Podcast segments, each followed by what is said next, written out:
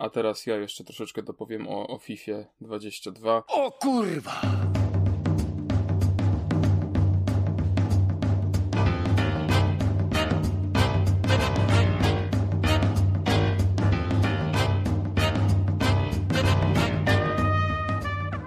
Dinos Boki naprawdę istniał, ale, ale kurwa, jak to się nazywa? Bo jest na przykład na Amazonie, jest cała yy, cały cykl książek. Ja nie chcę pytać skąd erotycz, wiesz. erotycznych o tych, o związku jakiejś kobiety, ten kurwa z pterodaktylami, czy coś tak takiego. O, jest na przykład książka w ogóle, kurwa, a to musi być jakiś, jakiś bestseller. E, bardzo e, na czasie teraz.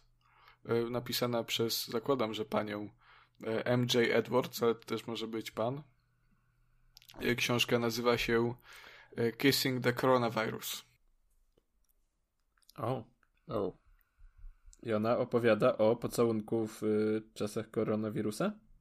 Y, nie, to jeszcze czekaj, już, już ci mówię. Em, że doktor Alexa Ashington Ford jest częścią jakiegoś tam zespołu naukowców, y, których celem jest zna- znalezienie y, leku na mm, koronawirusa właśnie, ale y, nie wie ona, że mm, niedługo skończy zakochana w y, właśnie koronawirusie. Koronawirusie jako wirusie, tak? E, Znaczy na okładce jest, ja wam to wyślę, czekaj. Enlarge cover, enhance, macie. A, to jest takiej klasy literatura. E, tak. I to jest, to Mhm. jest e, namiętna opowieść o zakazanej miłości i mrocznych e, pożądaniach. Jakoś ostatnio był ten, ten przypadek tego biskupa, to chyba był biskup, co odszedł z kościoła, żeby być z jakąś tam babką, co właśnie pisze książki o, o, o satanizmie. No to bardzo blisko tego jest, jest książka, e, której e, po polsku tytuł brzmi Nawiedzona wagina. Mm. Kiedyś był też taki film Szczęki, nie wiem czy oglądaliście. Nie wiem, nie wiem dlaczego Kuba na słowa nawiedzona wagina zareagował w sposób mm,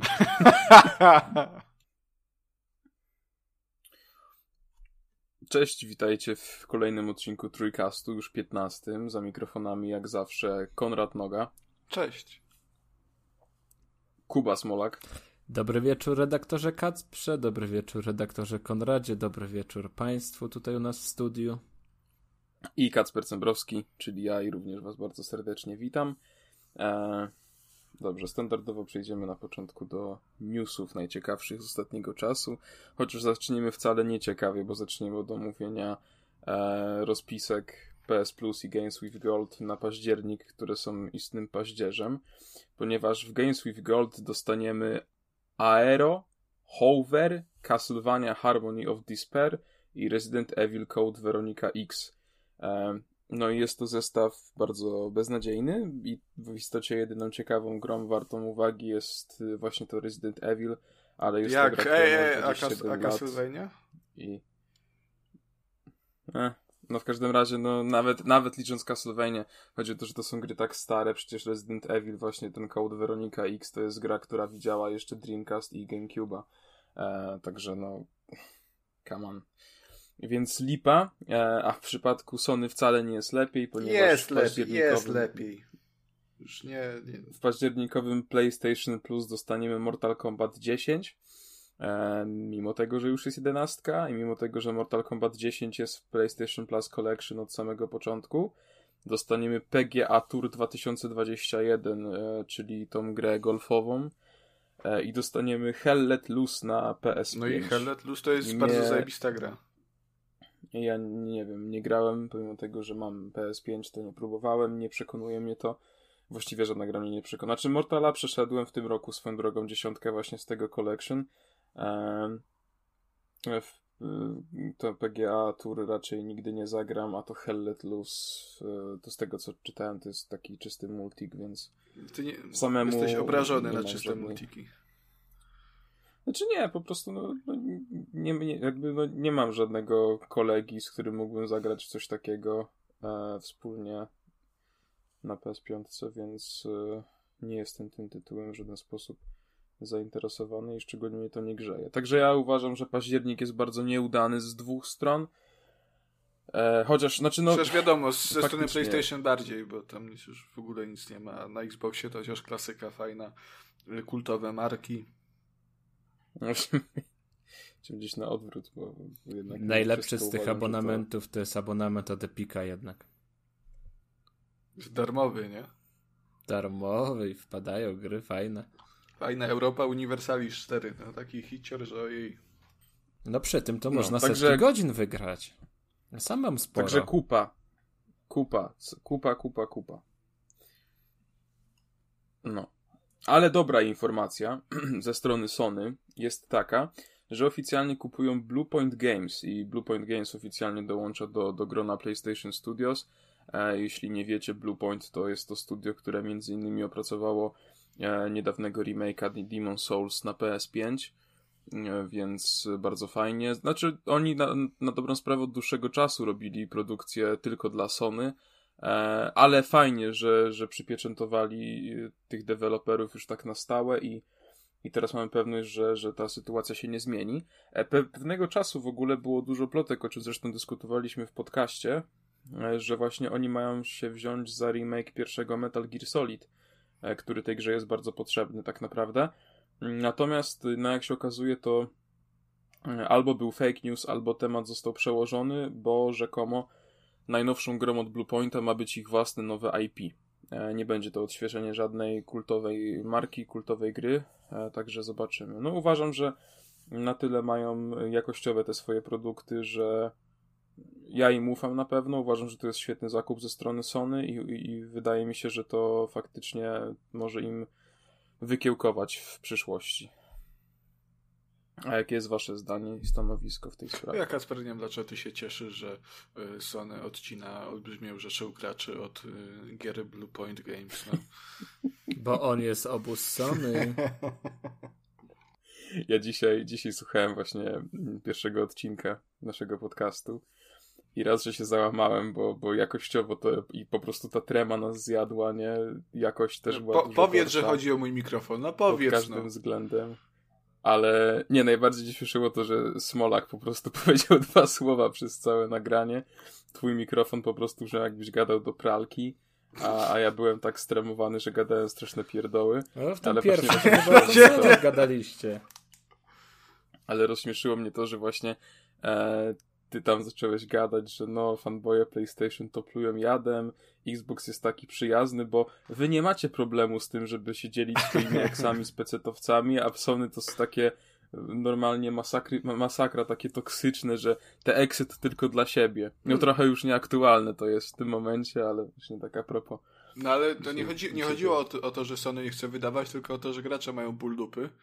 E, chociaż właśnie przy okazji y, tej zapowiedzi Uncharted 4 i The Lost Legacy na, na PC. No tak tam właśnie, było, właśnie nikt, nikt tak się nie zesrał i to było dziwne. W szoku jestem. Dorastacie jako społeczność. znaczy to wiesz, mi się wydaje, że już były na tyle realne plotki na, na długo przed tym ogłoszeniem, że już ci, co się mieli spłakać, to się spłakali, nie? Ja, ja dalej nie wiem, dlaczego Sony nie chce wydać na PC też yy, i, na PS5 oryginalnej trylogii z PS3, ale no okej. Okay. Bo to jest kolejna sytuacja, kiedy gracze PC-towi dostają po prostu finał yy, całej historii. No to, to z Gearsami było podobnie kiedyś. No.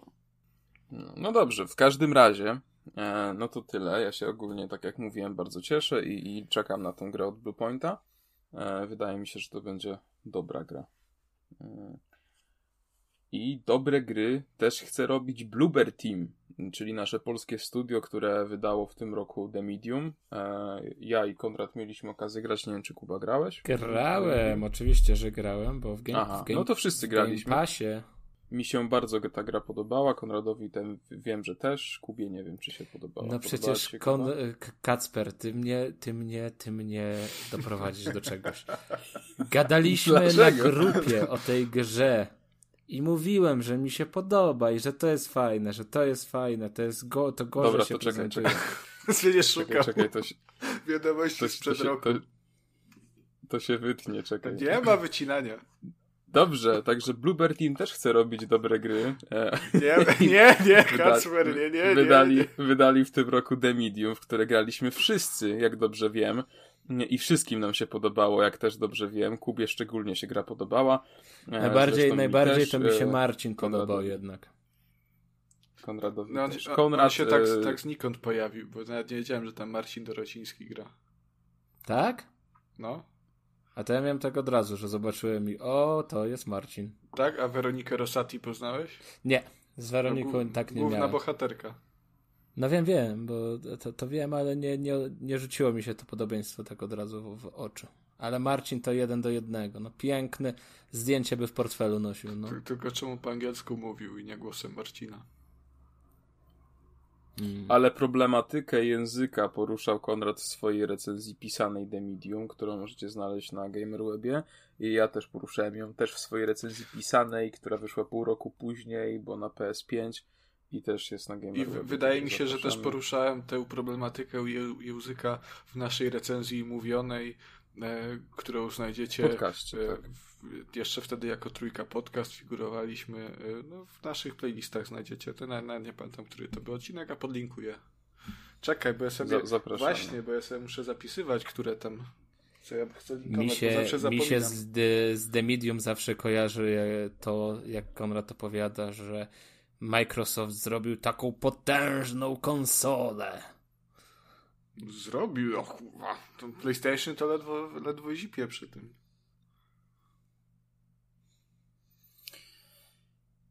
No w każdym razie, bo tu się zaraz znowu zacznie robić niezdrowo.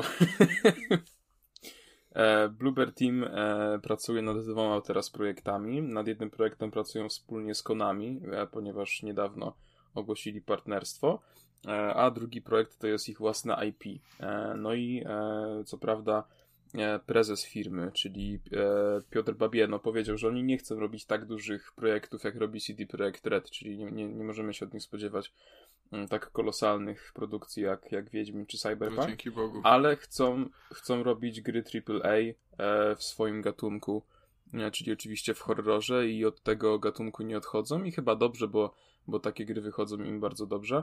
E, także Babieno jeszcze powiedział, że mm, ich założeniem teraz jest to, żeby stać się takim gigantem, jakim jest Naughty Dog albo Bungie. No to ambitne plany, Więc no. oczywiście trzymamy kciuki. To, to, cze- ale czekaj, czekaj, bo teraz, to teraz to on, oni sobie trochę przeczą, mam wrażenie, no bo nie chcą robić tak dużych gier jak, e, jak CD Projekt, ale, ale aspirują do, do tworzenia gier jak Naughty Dog.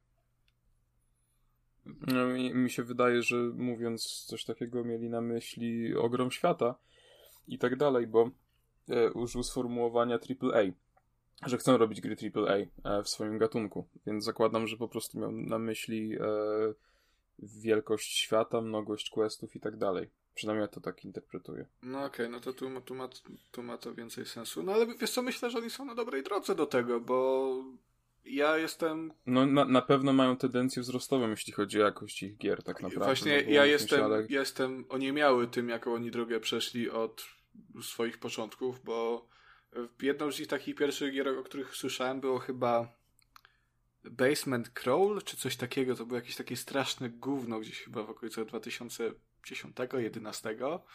To potężne baty zebrało od prasy, a potem Potem oni się właśnie przebranżowili na te, na te, na te horrory. Yy, wypuścili Layers of Fear, które było fenomenalną grą. Ona na konsolach działała tragicznie, ale, ale to była świetna trzygodzinna, świetne trzygodzinne doświadczenie.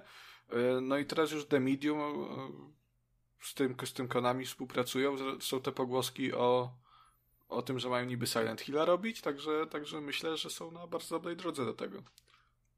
Ale Znaczy, też ja takiej tak naturalnej naprawdę drodze bym to- powiedział, Tak, że tak, to tak, jednak, tak. wiesz, z każdym projektem ten postęp jest taki systematyczny, nie jest to jakiś taki ogromny skok, ale coś tam, coś tam się, się dzieje i, i no, Mm, kibicujemy chyba. Wiesz co, wydaje mi się, że największy u nich przeskok był między Blair Witchem a The Medium. Bo to już No tak, jednak są jednak, diametralnie e, różne gry i The Medium jest o kilka klas wyżej, wydaje mi się, niż te, nawet te fantastyczne Layers of Fear i Observery. Właśnie, właśnie ja chciałem powiedzieć, że ja co prawda od nich tak od deski do deski właśnie grałem tylko w The Medium. W Layers of Fear, Fear pierwsze grałem chwilę u znajomego, e, ale ogólnie po, po tym jakby jak wniknąłem trochę w ich temat, zresztą po właśnie tych zachwytach nad, nad The Medium wcześniej i po moich jak ja to grałem, no to mam ochotę sięgnąć po te ich wcześniejsze produkcje, właśnie głównie, głównie w sensie e, Layers of Fear, e, Blair Witch i co tam jeszcze? Jaha, i Observera. Observera w ogóle ja byłem pewny, że ja mam e, na konsoli, że on był w plusie i ostatnio chciałem go sobie pobrać i się bardzo zdziwiłem, jak się okazało, że go nie ma w bibliotece, coś mi się musiało pomylić. A jeszcze tak cię, Kacper, podpytam, bo oczywiście czytałem twoją recenzję i dobrze, doskonale ją pamiętam, ale nie przeszkadzała mhm. ci trochę praca kamery w The Medium? Nie. Nie. No nie, właśnie wręcz przeciwnie. Ona jest taka ja troszkę uważam, oldschoolowa że... i, i, i, nie wiedziałem, czy a, może... A w Tormented Souls ci przeszkadzała? No bo Tormented Souls to jest kurwa gówno i działanie kamery jest... To jest najmniejszy problem w tej grze, chociaż bardzo to przeszkadzało. No ale... Dobra, e, Konrad, zapisz sobie tam czasówkę, podpalę. że Tormented Souls zrecenzowane. zaraz, zaraz, jeszcze ten komentarz ci zacytuję, który dostałeś o byciu umazanym. Smarku umaziany jagodami. No, w każdym razie, a propos właśnie Layers of Fear, no to yy, właśnie Bluebird Team niedawno wypuścił krótki zwiastun nowej odsłony Layers of Fear, która nie jest z trójką w tytule, a po prostu nazywa się Layers of Fear. E, i będzie działać ta gra na Unreal Engine 5, e, także no wygląda to, to bardzo dobrze, chociaż teaser krótki, czy ten trailer, e, ale się trochę podpaliłem I, i ciekawe, czy to jest właśnie ten projekt, o którym oni mówili, że to jest ich własny IP, a nie ten projekt z Konami. Nie wiem, nie wiem, bo, bo nie zdradzili tego. W każdym razie, no, uważam, że bardzo dobrze to wygląda i, i cóż, no, no, trzeba czekać. Ja mam nadzieję, że tam będzie jakiś inny tytuł niż po prostu Layers of Fear. No a teraz y, od jakiegoś czasu jest moda na takie Zro, Zrobił ten, zrobił jak DC, że będzie pierwsza część to będzie Layers of Fear, y, a trzecia to będzie The Layers of Fear. Jak Suicide Squadem. Tak, tak. No cóż. No teraz w ogóle z tymi nazewnictwami to jest ciężka sprawa, chociażby przecież God of War, no ja wiem. God of War'em, no Dajcie właśnie. spokój, już mnie tak wkurwia. No, albo na przykład nazewnictwo konsol Microsoftu. To też. A czemu? Jest. Znaczy nie, no tak, no jakby... Nie, no czemu? No, czemu? Xbox, Kacper, Xbox czemu? 360, Xbox wszystko jest 1, jasne. Xbox Seria X. No, to znaczy, wiesz, no jakby w świecie konsol tylko Sony ma y, tak bardzo ujednolicone, ujednolicone nazewnictwo konsol, że masz PlayStation, PlayStation 2, 3, 4, 5 E, bo jak sobie spojrzysz, no to różne Atari to zawsze było 2600, 5200, 4800 chyba? Nie, 7200, przepraszam. E, Nintendo, panie kolego, NES, NES, Nintendo 64, GameCube, ja Wii, Wii U. z tego sprawę. Ale... Więc y, Xbox jakby to, że, że oni różne te nazwy konsol mają i to nie jest takie y, 1, 2, 3, no to to jest ok, tylko Xbox ma straszny problem, kurwa, z E, trzepaniem do litery X, mam wrażenie, bo to jest jakaś kurwa tragedia. Zresztą tak samo jak S. Bo ja autentycznie miałem problem, e, jak te konsole wychodziły, z, z rozróżnianiem między Xbox One X a Series X. E, czy Series S i po prostu Xbox One S. I do, tej, no... do tej pory Konrad myśli, że, kupił, przy... że kupił X.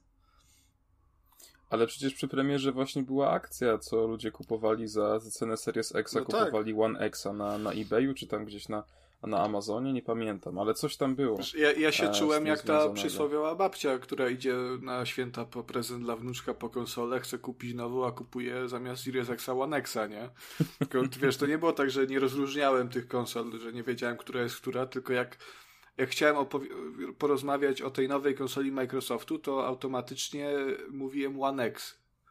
Tak z miejsca, więc to trochę mi zajęło, żeby, no żeby to. No nie, no to w ogóle to ja bym mógł na nazewnictwo i tułowanie gier to kurwić przez naj, najbliższą godzinę podcastu, ale to już sobie oszczędźmy. No, ale wy myślicie, że nasi słuchacze wiedzą, który to jest Kuba, który to jest Konrad, a który to jest Kacper? To... No nie no, no Konrad to jest ten, który się jąka cały czas. No, no właśnie. No, no. Ale nie, ale tak śmiech śmiechem, ale ja autentycznie jak y, zaczynam słuchać jakiegoś nowego podcastu, to ja tak potrzebuję z pięciu odcinków, żeby skumać, który to, który to mówi? Także... Dlate, dlatego Kacprze, jak rozmawiam z tobą i z Kubą, ja Konrad, to zawsze staram się twoje imię Kacprze, imię Kuby, Kubo Dobrze. Y, wymawiać, żeby słuchacze wiedzieli. Kacper jeszcze Dobrze, dzisiaj słuchał pierwszego odcinka, żeby sobie przypomnieć, bo nie, nie był pewny przed To nagraniem. teraz ja, Kuba, powiem tobie, Konrad i tobie, Kacper, e, kolejnego newsa. E, I Sony się cały czas e, sądzi z Huawei'em. Nie wiem, czy w ogóle wiedzieliście, bo ta sprawa e, o dziwo, e, ja w ogóle nie zdawałem sobie z tego sprawy, ale ciągnie się od 2015 roku. Wiecie o co chodzi, czy nie? Mamy kłamać, czy no. nie? Bo w sensie ja mam rozpiskę nie. newsów teraz, bo zrobiłeś na ten odcinek. No zrobiłem, zrobiłem, bo chciałem, żeby było bardzo... Ale, nie, dobra, no, ale, a, o, co, okay, ale o co chodzi? Nie wiem, co się stało? Do... O co, co o co firma Sony sądzi się od 2015 roku z, fi z firmą Huawei? Już wam mówię, firma Sony od 2015 roku sądzi się z firmą Huawei, ponieważ e, rozchodzi się o nazwę GT, tudzież GT, e, gdyż e, chińska firma robi zegarki, swoje smartwatche, które właśnie nazywają się Huawei GT i jakiś tam numerek, e, a Sony uważa, że GT należy się im przez wzgląd na markę Gran Turismo, e, bo teraz już faktycznie gdzieś tam się posługują tym skrótem. No i takie GT5, e, nie wiadomo czy to chodzi o smartwatch Xiaomi, Huawei'a, czy chodzi o, o Gran Turismo 5. E, I to samo właśnie. A może chodzi o stare Mustangi na przykład? Na przykład, może. albo w ogóle jakiekolwiek, na przykład może chodzi o e, wyścigi, wyścigi prawda, Grand Touring, no kto wie. E, także firmy się sądzą, ponieważ Huawei uważa, że Sony wcale nie ma prawa do, do tego GT przez wzgląd na to, że to jest skrót od ich gry, a Sony uważa, że mają do tego prawo i Huawei nie ma prawa na to, bo nie, oni byli szybsi. E, I tak jak mówiłem, właśnie sprawa ciągnie się od 2015 roku. E, Sony składało sprzeciwy kolejne w 2016 i 2019, ale e, sprawa została gdzieś tam umarzana i cały czas Huawei tworzył smartwatche właśnie o takiej, o, o takiej nazwie serii. Więc no, no, konflikt znowu jakby się roz, rozognił, ale zakładam, że to przez fakt niedalekiej premiery Gran Turismo 7. No i ciekawe, czy faktycznie jakoś się to tam uda im rozwiązać. E, ja uważam w ogóle, że najlepiej by było, gdyby se po prostu oboje używali GT i to, i to wszystko. To mi jest się trudno nie e. zgodzić z Huawei'em, bo Sony też tak trochę odleciało z tym GT. No. Znaczy to, znaczy to jest kwestia tego, że nie, że Huawei sobie po prostu tako używa, tylko że no oni e, złożyli wniosek o rejestrację znaku towarowego, nie? A, to GT. No, dobra, to niech się oboje pierdolą. Tak, tak, tak, bo oni, o, oni mają złożone na GT3 i GT5. Nie wiadomo co jest z GT7, ale Sony po prostu chce tego uniknąć, no bo jeśli faktycznie Huawei będzie miało do tego prawa, no to ja nie, nie, nie znam się dokładnie, ale zakładam, że e, wtedy Sony faktycznie nie będzie mogło przedstawiać Gran Turismo 7 jako GT7, nie? Mm, więc to jest na tym polu. No mówię, ja uważam, że powinni się po prostu podzielić i to wszystko ewentualnie jakoś tam rozdzielić na swoje loga, nie? Niech każdy ma swoje logo i, i, i już. No ale różnie, różnie w życiu bywa, prawda? E, więc zobaczymy, czy, czy ta sytuacja, jak ona się skończy i czy skończy się przed, przed, przed premierą e, GT7 Mm, będziemy obserwować i na pewno jak coś nowego się pojawi w tym temacie, to będziemy Was, drodzy słuchacze, informować. A teraz ja muszę złapać oddech, więc Konrad opowiedz o GTA. Czy to tak szybko ten oddech e, łap, bo e, jak rozmawialiśmy o GT, to teraz będziemy rozmawiać o GTA, haha, płynne przejście, FIFA Rafa. E, to jest taki follow-up do tego, tej plotki sprzed kilku odcinków, że Rockstar Games może szykować remastery tam powiedzmy, że do oryginalnej trylogii GTA no, chodzi o, o trójkę, Vice City, San Andreas.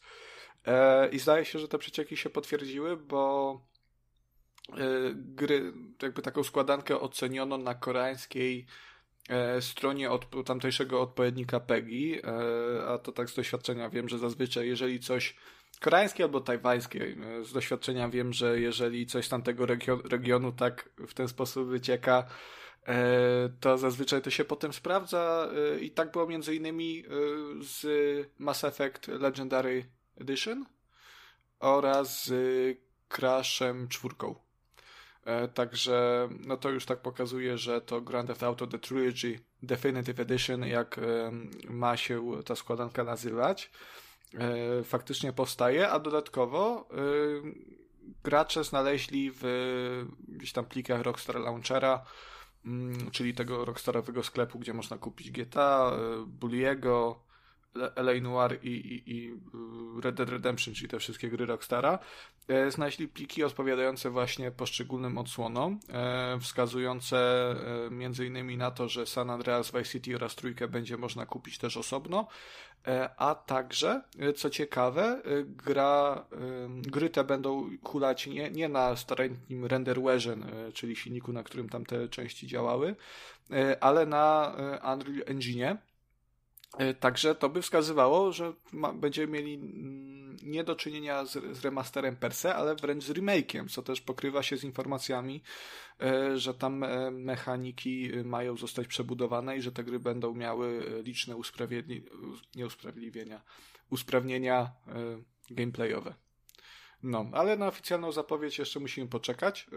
Troszkę zaczynam się tym jarać, mimo że Rockstar, no to ostatnio to tak troszkę E, stracił w moich i wielu innych fanów oczach. Mm, no ale troszkę się zaczyna mierać i w sumie bym, jakby to było tak fajnie zrobione, takie z miłością, to, to chętnie bym sprawdził i może nawet kupił. Ja właśnie chciałbym jeszcze tylko podkreślić, że... że... A, no i co się wtrącasz, jak dorośli rozmawiają? Chciałbym tylko... Chciałbym tylko podkreślić to, nakreślić, że ty mówisz, że się troszkę obraziłeś na, na Rockstara. W poprzednim epizodzie było jebać Rockstara! Jebać! Jebać nic od Rockstara. No tak faktycznie troszeczkę się zdenerwowałeś. No, troszeczkę, bo ja, nie, bo to ja wiesz. Ale dzisiaj Już na spokojnie. Proszę Konrad, proszę powiedz, przepraszam, zachowałem się nieładnie jak gówniarz. Dobrze, ja chciałem powiedzieć, że y, Konrad y, niedawno też, znaczy dzisiaj przed nagrywkami czytałem, że też wyciekły już grafiki z, tak? z tej właśnie z trylogii, tak. I są już właśnie loga e, trójki Vice City i San Andreas tej Definitive Edition e, i są też jakieś tam e, jakieś tła rockstarowe, ja do końca nie wiem o co chodzi, bo nie, nie znam tej ich platformy. Tła rockstarowe to mi się wydaje, że to jest po prostu tak samo jak na PS Store czy, czy Microsoft Store, że masz po prostu Aha. w sklepie y, zdjęcie okay. z tyłu. E, no ale to czekaj, sprawdzę. No, o, o tym, że, że te tła wy, wyciekły nie wiedziałem. E, nie mogę tego teraz znaleźć. Wiedziałem tylko, że te, widziałem te logo, no ale to logo, no to, to co, no, logo jak logo, bez, bez przesady. No ale w każdym razie, no ja też się tym jaram bardzo, bo, bo tak jak kiedyś wam mówiłem, Vice City e, grałem akurat, ale San Andreas tak, na, znaczy nie skończyłem nigdy, a w trójka mnie jakoś ominęła. No to o, to, to trójeczkę bardzo, to, to, bardzo, to, bardzo trzeba powtórzyć. Ja sobie powtórzyłem ostatnio, nie dałeś mi powiedzieć niestety, ale y, widać szwy, ale, ale dalej gra się fajnie, więc, więc proszę sprawdzić, jak wyjdzie jeszcze ten, ten re, remaster łamane na remake, no to, no to trzeba nadrobić, no bo to trójeczka to Jak jest... najbardziej, no zagram na Switchu. No, wiesz, trójeczka to jest, to jest yy, ona się bardzo zestarzała, ale to jest taka gra, którą wydaje mi się wypada znać, yy, jeżeli się interesujesz historią gier trochę, yy, bo jednak to od niej się zaczął taki boom na klony GTA, jak to było kiedyś nazywane i jakby no poniekąd dzięki niej możemy grać w takie gry teraz, jak, jak, y, te Watch Dogsy, różne dziwne czy inne tego typu produkcje senserowe chociażby. No, także warto i, wszyscy czekamy na te e, remastery, tudzież właśnie remake'i, bo to do końca nie wiadomo, co tam ma w istocie być. Mm, niemniej jednak jest to bardzo ekscytująca sprawa i, i ja na pewno na pewno będę sprawdzał. Mm, przechodząc dalej, e, znany insider, który przewidział innymi właśnie dodatek do Ghost of Tsushima, e, czy też ten Final Fantasy VII Remake e, Integrate, to jest chyba ta wersja na PS5, tak. jeśli się nie mylę, prawda? Tak, e, rozbudowana. No to właśnie. E, to, ten insider nazywa się oczywiście Nick Baker, to jest też e, współzałożyciel Xbox Ery. Mm, ostatnio powołał się na jakieś swoje anonimowe, lecz bardzo rzetelne studio. E, pfu, źródło, przepraszam.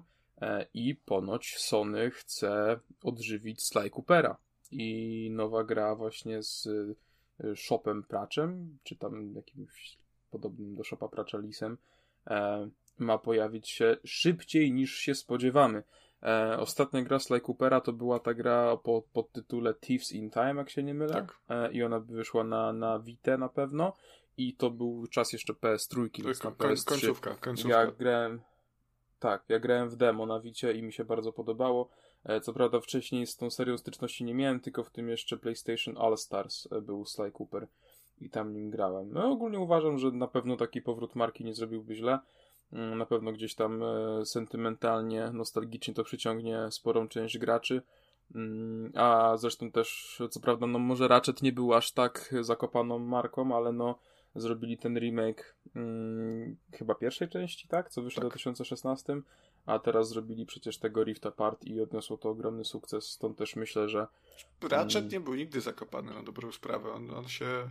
Miał, miał trochę przerwy między. A, a, no, znaczy, no, ale miał słabsze lata, nie? Po prostu. A no tak, no, na, na PS3 a, to nie była, nie była e, najmocniejsza generacja tej serii. Natomiast swoją drogą, już tak abstrahując od tego newsa, jak już tak jest o tym Sly Cooperze, to ja bym strasznie chciał powrotu Jacka i Dextera. Szczerze. Na pewno dużo bardziej chyba nawet niż e, niż Sly. Także mam nadzieję, że to też gdzieś się e, w planach Sony znajdzie, bo e, pamiętam, mam taką w ogóle trylogię na PS3, kiedyś kupiłem mm, i ta gra, chyba Precursor Legacy to się nazywało, no kurczę, to jest tak dobra gra, Stara, bo stara, ale to jest prześwietna produkcja. Jak nie grali, ona się w ogóle bardzo dobrze zestarzała, więc y, jeśli nie graliście, macie PS3, to gdzieś to dorwijcie, naprawdę warto, bo, bo, bo jest to naprawdę e, produkcja warta sprawdzenia, więc mam nadzieję, że gdzieś też ta o, o Jacku i Dexterze Sony będzie pamiętało i może też ich przywrócą do życia. Byłbym jak najbardziej za. Eee, no. A a, chciałem zrobić jakieś płynne przejście, ale w sumie mi nie, nie, nie, nie wyjdzie to. e, prace nad główną fabułą Final Fantasy XVI zostały zakończone, także cały główny scenariusz jest już gotowy. Square Enix zajmuje się już tylko sidequestami i postaciami, e, więc można powiedzieć, że e, wszystko już dobiega do linii mety, jest na ostatniej prostej. Mm, więc e, Fajnie, no ja 15 muszę nadrobić. E, niestety jeszcze nie znalazłem czasu, żeby ją ograć, natomiast e, serii Final Fantasy można, można jej zarzucić dużo, ale na pewno nie można jej odmówić kunsztu i już jakby nie było, po prostu jest to seria klasyczna. E, a 15 pokazała, że, że ta seria się i od... Zresztą remake 7 również, że ta seria się jak najbardziej odnajduje i w dzisiejszych czasach, także Mm, uważam, że.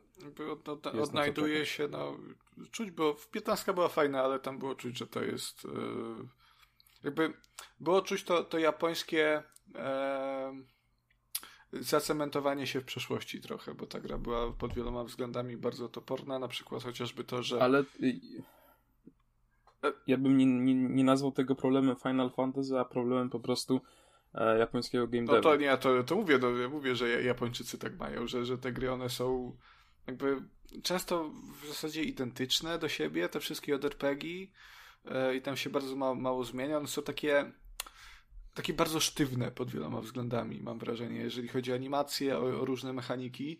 Na przykład w, no, w, Final, w Finalu 15 y, trochę rozwaliło mnie na łopatki to, że e, to wprowadzili tam samochód, i mamy otwarty świat.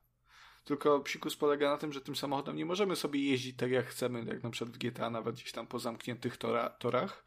E, tylko on służy w zasadzie jako pociąg, e, do którego się wsiada i on sobie jedzie po wyznaczonej trasie, a my, sobie, a my możemy obserwować, jak on jedzie, albo pominąć podróż. Także no, no urocze rzeczy, tak jak to. To fajna gra była, mi się podobała, e, nawet fabularnie mnie wciągnęła. Te dodatki też ograłem, były, były całkiem spoko, e, większość z nich. E, no i tak, tak osobiście, no, to, że Final Fantasy XVI powstaje i zakończona praca nad główną fabułą, to nie jest troszkę dla mnie żaden news, bo to jest to jest kwestia, była kwestia czasu, nie? Że, że zaraz będzie nowy final, no.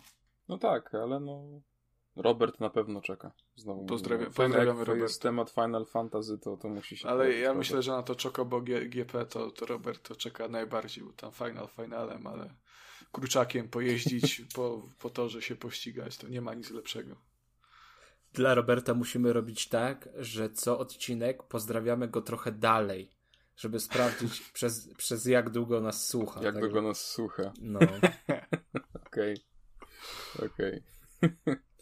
Dobrze. Przedostatnim newsem przygotowanym na, na dzisiaj i to jest e, ostatni news, o którym chłopaki wiedzą, e, ponieważ ostatni news, jaki będzie, to jest e, niespodzianka ode Przecież mnie. wiem, co to będzie. Mm, Kolorki także- nowe do Switcha.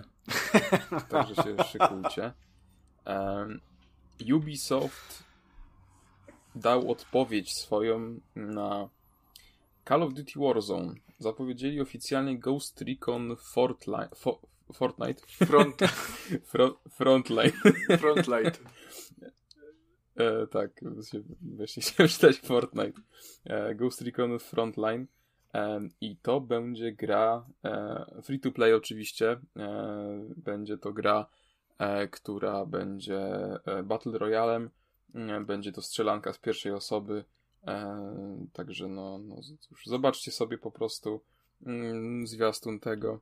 Co prawda oceny na YouTubie są po prostu przytłaczające, zresztą teraz odpalę to, powiem jak to jest na, na, na stan Mm, kiedy to nagrywamy, jest 3,3 tysiąca łapek w górę i 7,3 tysiąca łapek w dół, e, z czego naprawdę większość komentarzy, te najbardziej lajkowane, wszystkie to są po prostu bardzo e, bardzo negatywne wrażenia. E, ja uważam, że, że jest to na pewno produkt bardzo zbędny i szkoda, że, że jednak jakieś tam mm, studia Ubisoftu marnują czas na coś takiego. No oczywiście, no jeszcze nie mieliśmy No, szansy ale zagrać czekaj, no ale, ale czemu zbędny? A, bo po co ci kolejny Battle Royale z pierwszej osoby, który opiera się na dokładnie tym samym schemacie? Tym bardziej, że Ghost Recon to jest gra, która ma naprawdę. Do... W sensie te gry kiedyś były dobre, a mam wrażenie, że im dalej, im one bardziej przychodzą na taki dziwny jakiś e, moduł, żeby przypasować na e, obecne jakby trendy, to, to jest tym gorzej. E, Zresztą siły, które stworzyli, znaczy właśnie po- poświęcili na zrobienie tego frontline, mogli poświęcić na No, zrobienie ale, singlowego. ale wiesz, że to, to nie robiło główne studio Ubisoftu pewnie, tylko jak, jakieś gdzieś tam No ja się domyślam, U- ale Ubisoft, tak jakiś no, ale- Shanghai, czy, czy inne taj, tajwańskie podstudio, które zajmuje się robieniem takich właśnie gównogierek. No, to, że powstaje yy, gra no, poboczna odsłona serii, która jest na przykład tylko sieciową odsłoną w formule Battle Royale, yy, albo jakąś mobilną grą, bo to też zazwyczaj gracze srają, jeżeli jest, jest yy, zapowiadana jakaś mobilna odsłona serii, no to, to nie oznacza, że yy, studio nie, jakby wydawca nie, nie planuje wydawania, czy też nie zlecił już, już swojemu, swoim studiom stworzenia kolejnej dużej odsłony serii. No, e, no on, no, w, w tym wypadku, jeżeli, jeżeli Frontline wyjdzie i e, pracę, koszty na nim się zwrócą, będzie zarabiał na siebie, no to prawdopodobnie będzie też zarabiał na kolejnego dużego Ghost Recona. E, a też wydaje mi się, że, że sama seria Ghost Recon została troszkę odłożona na półkę na pewien czas, e, bo ona po Wildlandsach z kiedy wyszły Wildlandsy? W 2016? Wildlands y, 17, jak się nie mylę. Wcześniej wydaje mi się, że Wildlandsy wyszły. Właśnie mniejsza jeszcze o to. was nie było w Gamerwebie. Po, po, po, premierze, po premierze Wildlandsów ona y, wyskoczyła w górę, a potem wyszedł Breakpoint, który okazał się taką sobie grą y, strasznie powtarzalną i to zdecydowanie nie było to samo co Wildlandsy.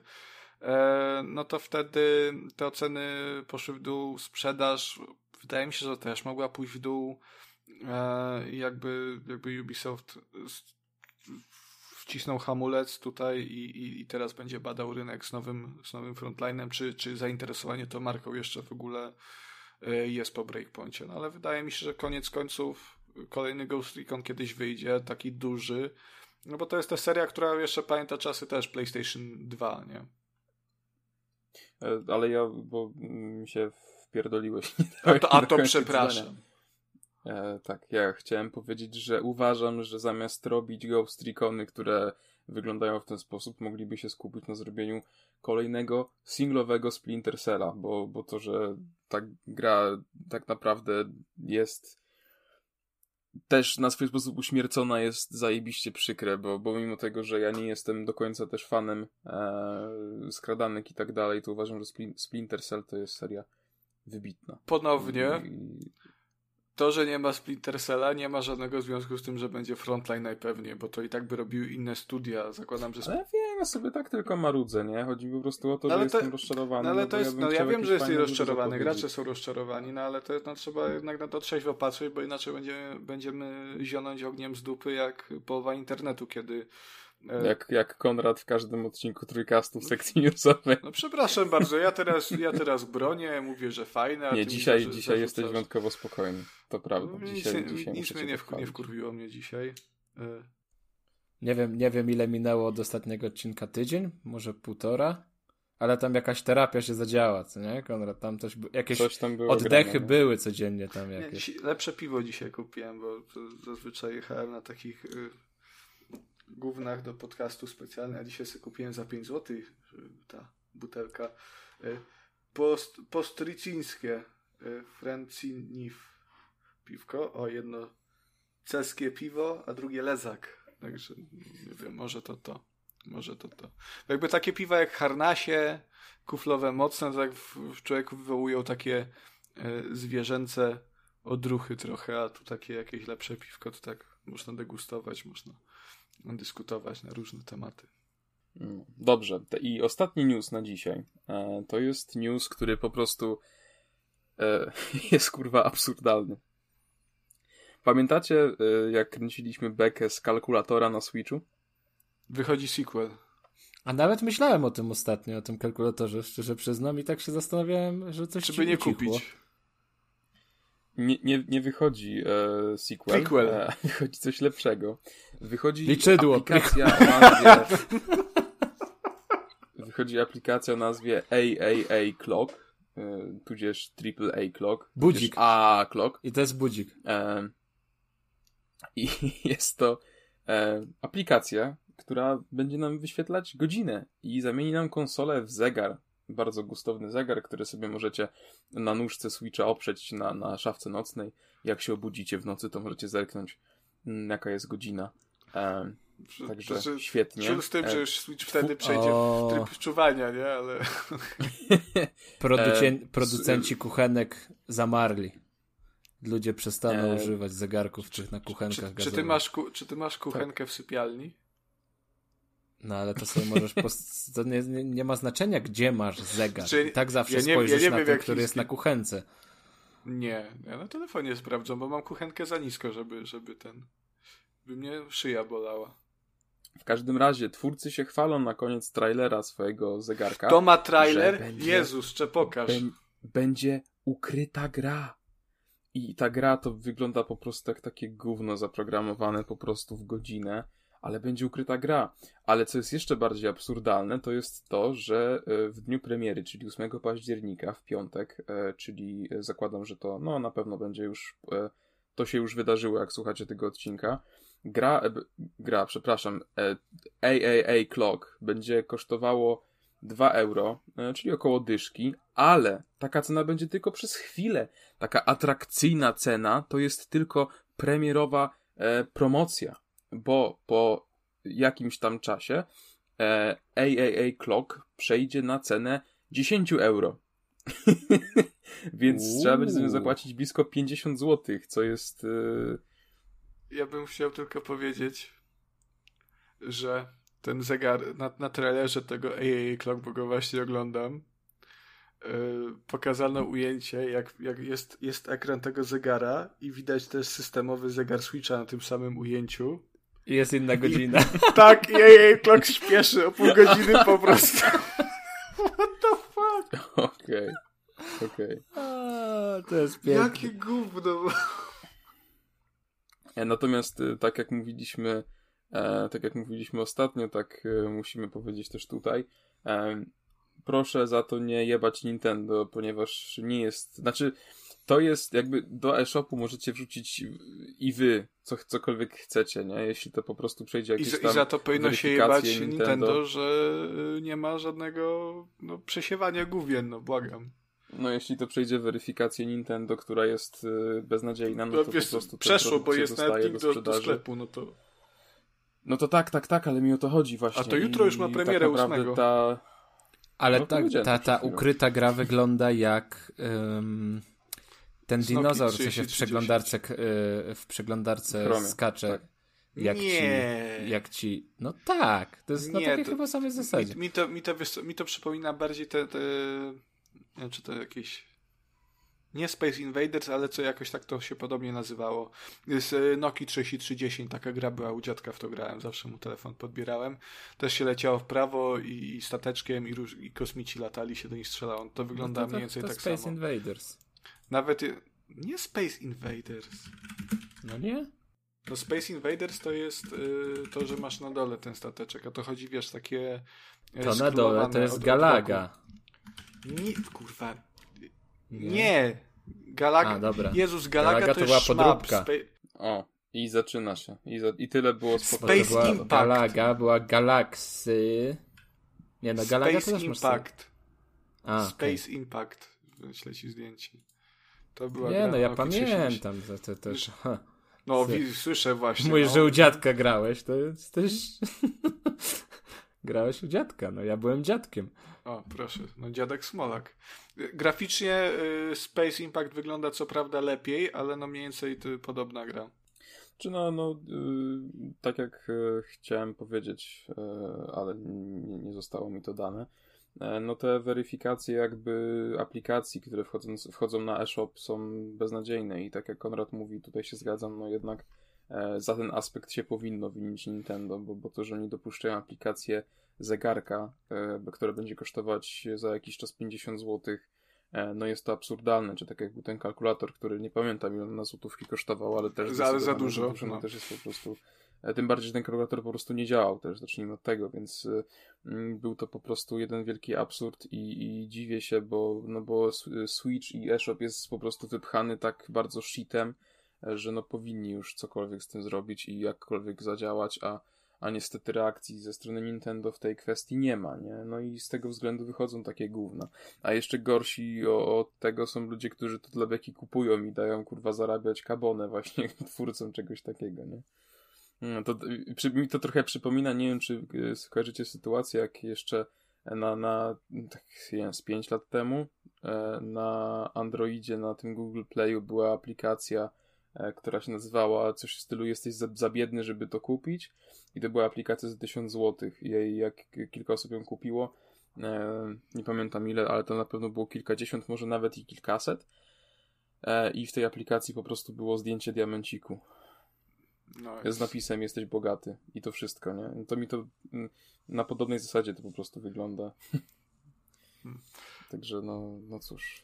Znaczy, ale Kacper, ja bym ci chciał tylko jeszcze powiedzieć, że w, że w tej grze są kolorki, możesz sobie wybrać różne kolory tła. Y, Co więcej, co więcej według twórców y, ma, ma też y, ta, ta aplikacja posiadać Jezu, jak to się nazywa? E, Zdolność do wykrywania kolorów joyconów, także może sobie to tak nie wiem na jakiej No, zasadzie świetnie. to działa, ale O, super to jest. w końcu się J-Kony na coś przydadzą. Te, wszy- No te ale wszystkie. przecież sam, ale to, ale to y, sam Switch wykrywa przecież kolory Joy-Conów. Jak wpinacie Joy-Cona zielonego z lewej strony, to jest zielona poświata i ten dźwięk, a różowego z prawej to jest y, różowa poświata No to nie, strony. miałem kolorowe Jak tylko. wpinacie więc- czarnego, to jest czarna poświata i tak dalej, więc to jakby sama konsola to wykrywa. A jak jest to, niebieski, to nie jest jaka żadna jest innowacja poświata? ze strony deweloperów, więc to jest jakby po prostu podpięcie pod i tak już funkcję Switcha. Nie ma to jednak większego znaczenia, bo to jest po prostu zegarek. Jakby, No ale, ale polscy, polscy gracze mogą mieć problem, yy, bo zegar nie będzie dostępny w języku polskim, jest tylko japoński, angielski, francuski, niemiecki, hiszpański, koreański i portugalski, także no, Okej. może być ciężko tutaj w Polsce. Zamach na wolność Polaków. No właśnie, no, po- Lex, Lex Nintendo, tak? No, no dobrze, także tym e, optymistycznym akcentem kończymy sekcję newsową, a teraz e, Kuba opowie nam o indykach. No, ale dzisiaj będą tylko dwa indyki, bo jednego mi sprzątnąłeś. Gdzie- Co? No, to jeden był zegar.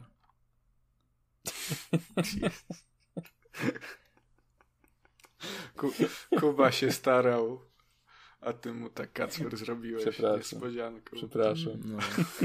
Dobra. I E. tak zbeształem ten zegar, a Kuba nam chciał go tak ładnie zareklamować. Ja już wysłałem prośbę o kopię recenzencką. Dostaliśmy trzy kopie. Do... Tak, także w przyszłym odcinku szykujcie się na recenzję AAA Clock. Ej, A ej, dlaczego ej. ej, ej, ej? Tak swoją drogą, od baterii? Właśnie chyba tak. Nie, właśnie, A może nie, chodzi o triple A. pierwsze było w triple A. wyszukiwaniu. Nie, chodzi o Tak jakość, kiedyś- bo to jest, to jest A. AAA-owy zegarek, bo nawet piszą, że tu jest Tak. y, HD Clock z pełnym supportem technologii OLED, nie no, zajebiście. Uuu, damn. Damn, A to będzie w, będzie w co pograć na nowym Switchu. Tak, 4, 4K60 na pewno będzie z HDR-em. Ray tracing będziesz miał, także jak, jak patrzysz w ten w Switcha, to twój ryj odbija na żywo. Ale i tak jak jest. jesteś na zewnątrz, to nie widzisz nic. Także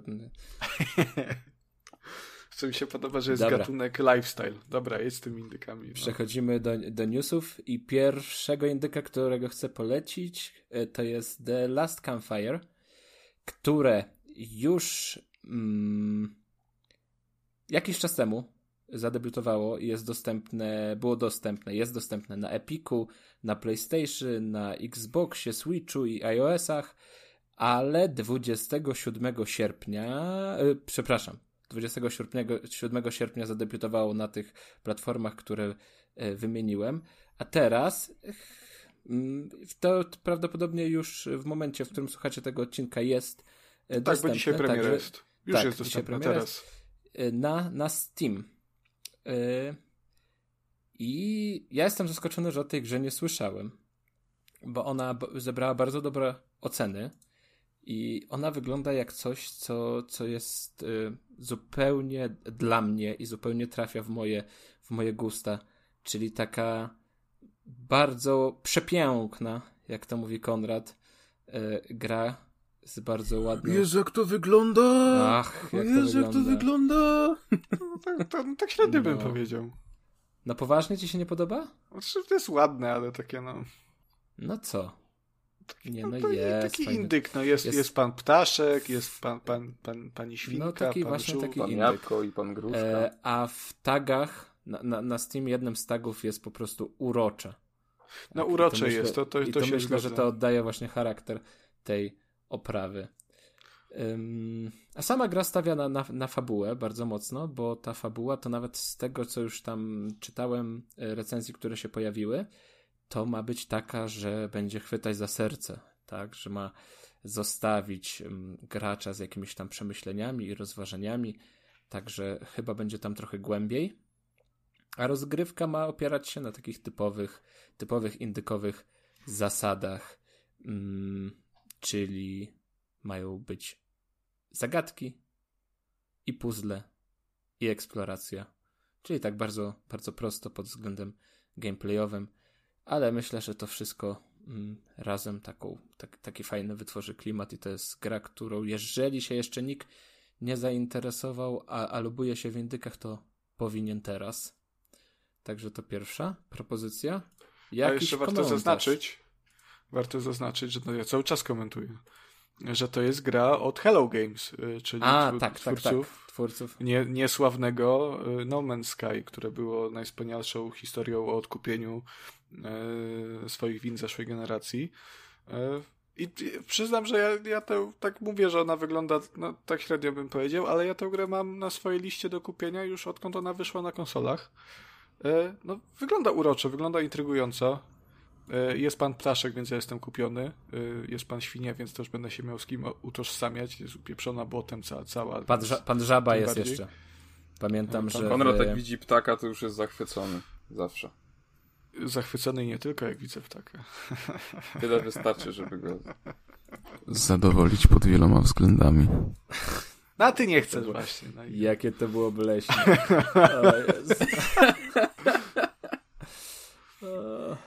No, Gdzieś tam, Kacpra, a, jest Kacpra też, właśnie jest takie też, rzeczy bawią. Ptaszki, siusiaki, on się uśmiecha wtedy od razu. Jest, jest duża żaba. znowu mnie okrzyczysz. A pamiętam, okrzyczysz, że się- duża żaba ci się podobała w Devs Door. Kurwa, ja skocz. Opamy! Czekaj, komu się podobała ta duża żaba? Mi czy Kacprowi? Y, No, tobie chyba. Tak, podobała mi się duża żaba? No, coś, coś, coś mówiłeś takiego. No, ale dobra. duża żaba. To zobacz sobie dużą, Eee, dużą żabę, a ja... Kuba, No, proszę. pytanie mam. Znowu będziesz się dar, że cię nie słuchałem. I po prostu to nie tak, tylko po prostu mi wypadło już z głowy. Na jakie platformy teraz ta gra wychodzi? Teraz wychodzi tylko i wyłącznie na Steam. I to, Nie, to jest Steam Steam, de. bo na Epiku już była, tak? Już miała premierę Epikową, Dobra, a teraz się pojawiła dobra, na to Steam. gadaj dalej.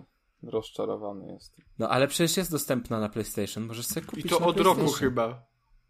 Nie, no od sierpnia. O Jezus. Od, od 7, kw- czekaj, 7 kwietnia był ten, no to od, od roku, 28 sierpnia 2020 The Last Campfire miał launch trailer na Switcha, 27 premiera y, była wtedy y, i ona jest dostępna na Switcha, na iOS-a, Kacper, to lubisz, y, na tvOS-a jest, na Nie, no, macOS-a, na Big Boxa One i na PlayStation. Na PlayStation telefonach się 4 nie jest gra, i na. Switchu, no to przecież mówię.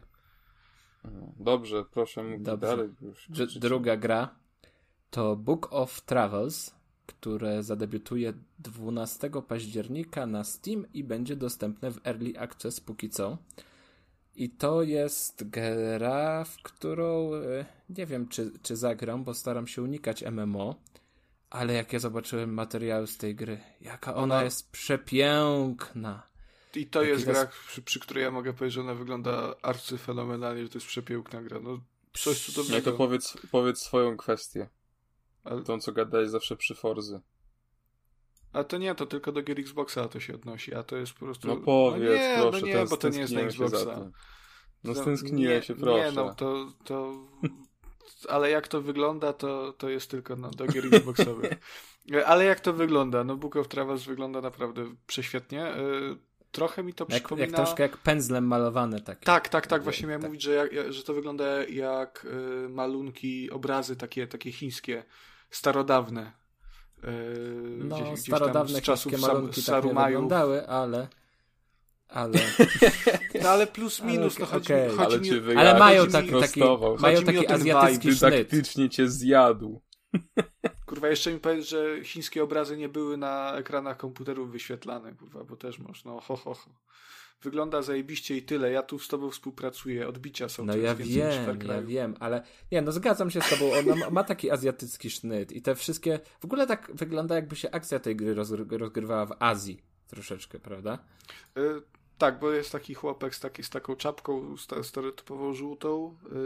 Y, szpilce. Te szaty mają takie szerokie, tak, co tak, to tak, jest. tak, tak, tak, tak. No, ale te, te grafiki są, to są po prostu przepiękne. Yy, I to ma być gra MMO, która będzie stawiała na, na fabułę i na duży nacisk na współpracę i relacje pomiędzy graczami. No tak, w Tibi. Yy, Dokładnie. Doku... Jak sobie przypo- z, przypomniałem te, z tego, i z mam tego ochotę e, zagrać. O, oglądałem wywiad z twórcą, z twórcami i mówili, że to bardziej będzie Metin niż, niż Tibia. Okej, czyli ta fabuła będzie polegała na biciu kamienia wśród psów, tak? tak. E, Kamienia alfa i ps, psa alfa.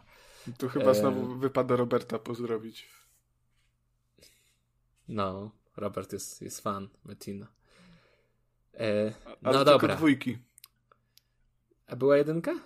A Była. chyba już o tym By- kiedyś gadaliśmy. Była, tak, tak. Wys, E. wysyłał mi potem, że, że była jedynka jakaś tam. Ja tylko, tylko dwójkę kojarzę. I ma być duży nacisk na interakcję pomiędzy graczami, wokół tego ma się to wszystko kręcić. W tym świecie nie będzie tak, du- tak dużo graczy naraz. To ma być tak wytworzone na mniejszą skalę, ale ma być właśnie takie bardziej skondensowane i mm, no, twórcy będą starali się unikać takich typowych aktywności, które znamy z gier MMO, czyli tam na, nie wiem, wypełnianie jakichś generycznych questów, bicie potworów, zbieranie złota i tak dalej. No E, właśnie miałem a- mówić, że tu nie ma, nie ma na zdjęciach y, żadnej sceny walki czy, czy z jakimiś stworami i mam wrażenie, że to jest taka gra nastawiona na, na eksplorację i tak jak mówiłeś, na interakcję z innymi graczami, czy pewnie jakiś handel, jakie, jakieś gildie, e, E, wspólne No i też, podróże. też roleplay ma być dość, dość e, intensywny. bo tam już od, na etapie tworzenia postaci będziemy mieli dużo tych opcji z ich e, jakby przeszłością, z ich cechami i tak dalej, i tak dalej. I będziemy mogli później tą, tę rolę tej naszej postaci odgrywać w grze. Ale pamiętajmy, że jest to jednak gra MMO, robiona przez no nie jakieś tam znane studio. No, to jest, jest indyk, to, więc no. To jest indyk. Might and Delight no się nazywa studio. I możemy. Y, może to fajnie wyglądać na papierze, a trzeba poczekać, jak to wyjdzie w praktyce, no bo jednak zrobienie gry MMO to nie jest y, łatwa, łatwa sprawa, a zrobienie takiej gry, żeby serwery nie były puste po tygodniu, jest sprawą jeszcze, jeszcze trudniejszą. Ej, ale nie, co słyszysz? Z tego co widzę, to gra została e, ofinansowana e, na Kickstarterze. Kuba, bo ja sobie sprawdziłem to studio, ono się nazywa Might and Delight, to jest w ogóle szwedzkie studio. Ja myślałem, że, że ta gra jest robiona gdzieś przez jakichś Chińczyków, gdzieś tam od ciebie, albo Koreańczyków. Ale Might and Delight y, to studio odpowiedzialne za y, serię Shelter, między innymi, o której, mm -hmm. o której mhm. wspominałem y, w zeszłym odcinku przy okazji jest jak to się nazywało? To, to, the Away, The Survival Stories chyba, tak? A o latającej wywiórce. Ta, tak, z tym borsukiem latającym. To oni robili właśnie Shelter. Czyli te gry o tych borsukach, co, co chodziły, to były fantastyczne gry i one też były takie eksploracyjne, bardzo artystyczne, bardzo ładne. E, I to mnie tylko potwierdza, utwierdza w przekonaniu, że Book of Travels może być naprawdę interesującą produkcją, e, o ile sobie twórcy dadzą radę z udźwignięciem formuły MMO. Ja na koniec powiem, że mi się ta gra nie podoba, uważam, że wcale nie wygląda Dobra, idź. Znaczy, może, Jezu, jest, może je, jest ładna, ale nie widzę MMO. Idź, kurwa, gra, idź, kup se ten swój zegarek, kurwa, i se nie na niego patrz. A jeszcze chciałem tylko powiedzieć, że ten Away o wiewiórce to, to bardzo słabe oceny zebrał na Steam. Tak? Ojej. No, mieszane ma. Ale jak można wiewiórkę obiegać i modliszką, to jestem kupiony. To ja sobie jak pewnie poczekam na jakąś e, większą promocję i sprawdzę. dobra, i ostatni e, tytuł, który, no nie wiem, czy to jest jeszcze indyk. To jest taki indyk AA, powiedziałbym. E, War Mongrels które 19 października zadebiutuje na PC-tach, a w przyszłym roku ma się pojawić na Xboxach i PlayStation. Hmm. I to jest gra od polskiego studia, które możecie znać z takich tytułów jak Ancestor, Legacy i kontrowersyjne, o którym było głośno, Hatred. Hmm. I to będzie strategia taktyczna, która jest. A to już nuda. To nudny to ty jesteś, idź sobie graj w ten zegarek, kurwa. To jest Komandosi no, nowożytni. Jest, tak. Jest inspirowana serią Commandos. A akcja gry będzie rozgrywać się podczas II wojny światowej, konkretnie na froncie wschodnim. I wszystko jest takie dość y, ciężkie. Mm, ta fabuła też ma być taka, no, wojenna czyli, czyli będzie pewnie trochę smutna, trochę może patetyczna, e, ale no, bardzo ładnie to wygląda. Takie troszkę, nie wiem, może się kojarzyć z jakimiś takimi, e, nie wiem, grami trochę może bitewnymi, gdzieś takimi rozgrywanymi na, e, na, na stołach, jakieś figurki, jakieś żołnierzyki. No nie mi się to, mi się to bardzo, bardzo podoba. Mm. Znaczy wygląda ładnie, ale no nie jest to totalnie gatunek, który do mnie trafia, więc... Natomiast... E, Jezu, w newsach jest, przez godzinę o, o, tych japońskich farmazońcach opowiadał, a teraz taka piękna gra no, i patrz. Ja po prostu jestem człowiekiem kultury, no, no, że tak powiem, umiem docenić prawdziwy kunszt japońskiego game devu, a nie spuszczam się nad jakąś strategią wojenną, co jest już po prostu tematem, e, żeby nie powiedzieć brzydko, przejedzonym po prostu. E, już w każdy sposób. Także no, no cóż. No. no. no dobrze. Także to e, jest gra, przy której trzeba będzie pomyśleć i, i cierpliwie do niej podchodzić, e, bo będą się nasze nasze decyzje będą się liczyły. Mm. A, i tutaj ciekawą rzeczą jeszcze to, że grę będzie można ukończyć w kooperacji wspólnie z drugim graczem. A ty, Kuba, grałeś komandosów? Tak. Tak, tak, to było dawno.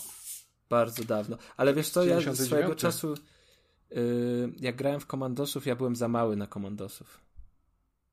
Yy, dla mnie to było bardzo, bardzo, bardzo trudna gra wtedy.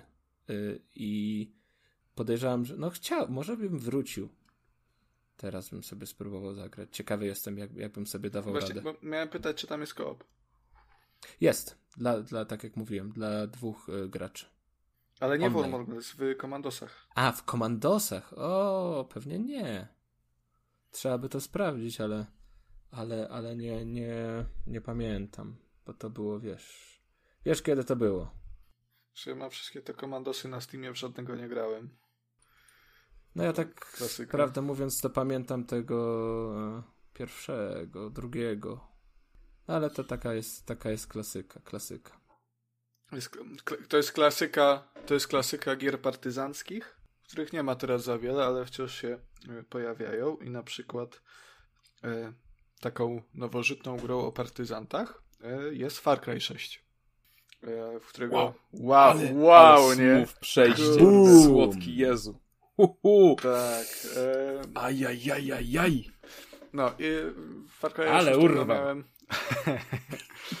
E, to jest chyba jedna z większych premier tego roku, który ogólnie jest dosyć e, biednym w premiery rokiem, mimo wszystko mam wrażenie, chociaż tam się pojawia jakieś te raczety różne i, i, i Diabla. E, no i cóż, no, Far Cry 6 miałem przyjemność zagrać. E, moją recenzję tej gry znajdziecie też na GameWebie, o, o tym warto e, wspomnieć, bo się spisałem z pięć stron tam na, nabębniłem, to jest i tak krótsze niż recenzja pisana FIFA Kacpra. E, zresztą niż mówiona tym bardziej. E, I cóż, co ja mogę powiedzieć o Far Cry 6? E, Śmiać mi się bardzo chciało, bo pisząc recenzję e, tej gry, specjalnie sobie popatrzyłem na e, recenzję poprzedniej odsłon e, i w Far Cry 5 u nas recenzował jeszcze jakby w składzie Radek Krajewski, którego też serdecznie pozdrawiamy. I bardzo mi się podoba, bo on... O, jeszcze jak? Radek to jest gigakolo i mam nadzieję, że kiedyś, kiedyś się spotkamy w Trójkaście. Nasze drogi się przetną na liniach tego podcastu. Tak, fajnie by było, także no, zapraszamy Radosławie. E, I tak, i czytając, czytając recenzję e, Radka, tak sobie przeglądając bardziej, trafiłem na akapit, który e, wydał mi się zabawny dlatego, bo jeżeli bym sobie tylko podmienił numerki, to on również by mógł się odnosić do Far Cry'a 6 i ja sobie to pozwolę przytoczyć. Mam nadzieję, że Radek mnie nie zabije. E, tylko niech, że se Co znajdę. ty, Radek tego nie słucha. Jak nie? Dobra, nie działa mi przeglądarka. No e... dobra, to już skończ to tam. Jak się posterunki przyjmuje? No właśnie, no, po, to przejmuje się posterunki, bo chodziło mniej więcej o to, że, to, że e, każda recenzja Far Cry'a ma w sobie, co, co, musi mieć w sobie e, fragment, w którym porównuje się nową odsłonę do poprzedniej i mówi się, że no, znowu jest to samo, to znowu jest Far Cry i w zasadzie... A przepraszam, że się wtrącę na sekundkę, mm -hmm. mogę? Bo chciałem się zapytać, w przypadku Far Cry'a szóstki e, odwołujesz się do piątki czy do New Dawn? E, do, New Dawn. do piątki, bo do New, piątki. New Dawn rozpatruje jako e, pewnego rodzaju spin-off, jako poboczną odsłonę, ja to miałem w ogóle przez chwilę pożyczone, ale, ale nie zagrałem finalnie i już nie mam i nie wiem, czy w sumie jakoś bardzo, bardzo tęsknię. W piątkę grałem, to piątka była całkiem ok według mnie, ale yy, piątka brakowało tam yy, takiego szalenia. Ona była taka bardzo zachowawcza, mam wrażenie. A też te wątki z tymi seedami mi się średnio No to, no to, to szóstka jest jeszcze bardziej zachowawcza, ale o tym, o tym później. E, ja to porównuję, ja, ja to porównuję bardziej do tych serii numerowanych, części numerowanych, bo Far Cry ma to do siebie, że e, jakieś większe zmiany Przecież to kurwa, no nie do końca tak naprawdę. E, jakby te wszystkie, te wszystkie części to właśnie New Dawn, Primal, Blood Dragon, niejako. Primal. No, ale, ale wiesz, to, to, są, to są części wydawane pomiędzy tymi dużymi numerowanymi e, grami, e, które bazują na, ty, na tych samych mechanikach praktycznie, e, ale coś tam próbują od siebie dorzucić. Nie? I tak jak Blood Dragon miał Był ten przecudowny. Cybernetyczny, Świetna gra. Cy, cy, cy, cybernetyczny, taki cyberpunkowy, ale re, retro też klimat. Zresztą to jest tak kulto, kultowy dodatek teraz, że on się w każdej, w każdej części Far Cry'a musi mieć jakieś nawiązanie do siebie. W, w szóstce jest całe DLC ze strojami z Blood Dragona. E, Primal to było bardzo fajne przejście na e, prehistorię. Nie, no, było super, ty się nie znasz, ty byś grał tylko w to samo cały czas. Zrobią Far Cry'a gdzieś w Japonii, to będzie o, najlepszy faj, Far Cry po Oj, to by, w serii. Ej, ej, to by było. Ale, to by było. Newton, Newton natomiast był taki bardziej RPGowy, looter shooterowy, nie?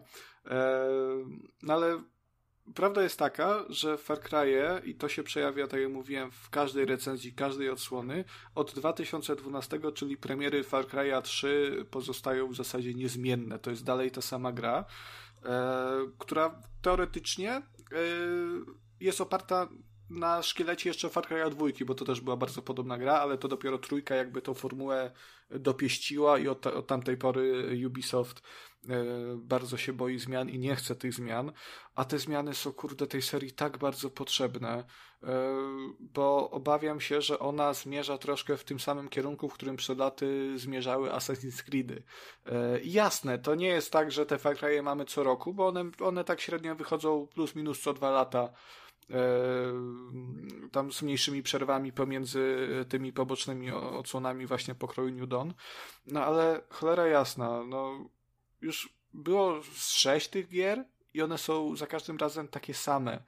I żeby nie było, mi się te gry bardzo podobały, ja się w nich naprawdę dobrze bawię. E, ta formuła mi się, mi się podoba, bo to jest. Bo nie ma drugiej takiej serii, y, która by była e, tak mocno oparta właśnie na tej partyzantce, czyli gdzieś tam y, tym haha, tu się Kuba zaśmieje, wyzwalaniu posterunków. Mm, no, no, no ale, ale właśnie w Far Cry'ach jest to cudowne, że siedzisz w tej dżungli, e, masz bardzo dużo mechanik różnorodnych, które możesz wykorzystywać e, do jakby skre, skrojenia gameplayu pod własne, własne upodobania. No ja zazwyczaj gram e, snajperem, e, gdzieś z daleka sobie po cichu eliminuje tych, tych przeciwników w tych posterunkach, ale nic nie stoi na przeszkodzie, żeby tam wlecieć śmigłowcem, wjechać na, na, na słoniu, na, w czurce na przykład, e, czy, czy w ogóle robić rozpierdziel z powietrza e, przy pomocy samolotu, żeby tam jeszcze ich nasz piesek wierny podgryzał, bo te też są przecież od, od, od kilku części przyjaciele w tych, tych chyba od piątki w sumie. No dobra, ale mówisz, że jest dużo opcji tego, tego no. Yy, no już posługujmy się tym terminem odbijania posterunków, ale niezależnie od tego, ile dostajesz tych opcji, po trzech godzinach masz dosyć. To jest nudne. Yy, tak, zgadzam się, dlatego mówię, że Far Cry potrzebuje zmian, bo yy, szóstka mi to dobitnie uświadamia. Ja się, ja zdawałem sobie z tego sprawę już od, od bardzo dawna, ale szóstka mi to dobitnie udowodniła, e, bo podchodząc do szóstki jako świeżak w serii, jeżeli nie grało się w żadną poprzednią e, część, będziecie się bawić naprawdę fantastycznie. Jeżeli lubicie właśnie taką zabawę, wojnę podjazdową, gdzieś, gdzieś zabawę w tego partyzanta. Natomiast jeżeli grało się w jakiegokolwiek innego Far Cry'a, to grało się również w Far Cry'a 6. Bo to jest dokładnie ta sama gra. I pewnie tu, tu wprowadzono pewne zmiany ale to są zmiany drobne, to są tak, tak zwane e, quality of life improvements, czyli na przykład e, wywalono e, cały ten survival, który był właśnie w serii od trójki, czyli to zbieranie tych skór na jakieś ulepszenie ekwipunku, żeby można było więcej broni nosić, jakieś zbieranie roślinek na strzykawki, na mikstury, to wszystko się, tego się pozbyto. Nie ma też na przykład drzewka umiejętności, wszystkie jakieś perki i, nowe zdolności e, są przypisane do strojów, które e, nosimy, do, do części garderoby, jakichś tam hełmów, butów, spodni i innych tego typu łachmanków. Także jakby Far Cry 6 jest taki taki bardziej smooth pod względem gameplayu, to, to, to nie, nie, nie jest, y, nie trzeba się przejmować tak wieloma rzeczami, natomiast to jest dalej Ale to samo. To troszkę, to dalej... troszkę mhm. jest tak, że on jest jeszcze bardziej casualowy? Yy, tak. Aha. Zdecydowanie. No to strach pomyśleć, co będzie w następnym, jeżeli idziemy w tym kierunku. No właśnie ja mam nadzieję, że no kolejny Far Cry wprowadzi jakie, jakiekolwiek zmiany, nie? Bo ja się w szóstce bawiłem naprawdę dobrze. To jest, to jest solidna gameplayowa gra.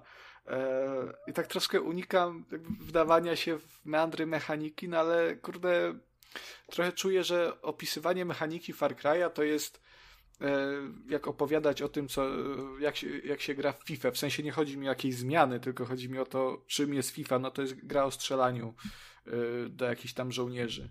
Mm. No, Dokładnie, to jest... FIFA to jest gra o strzelaniu do nie mówię, mówię o Far Cry'u.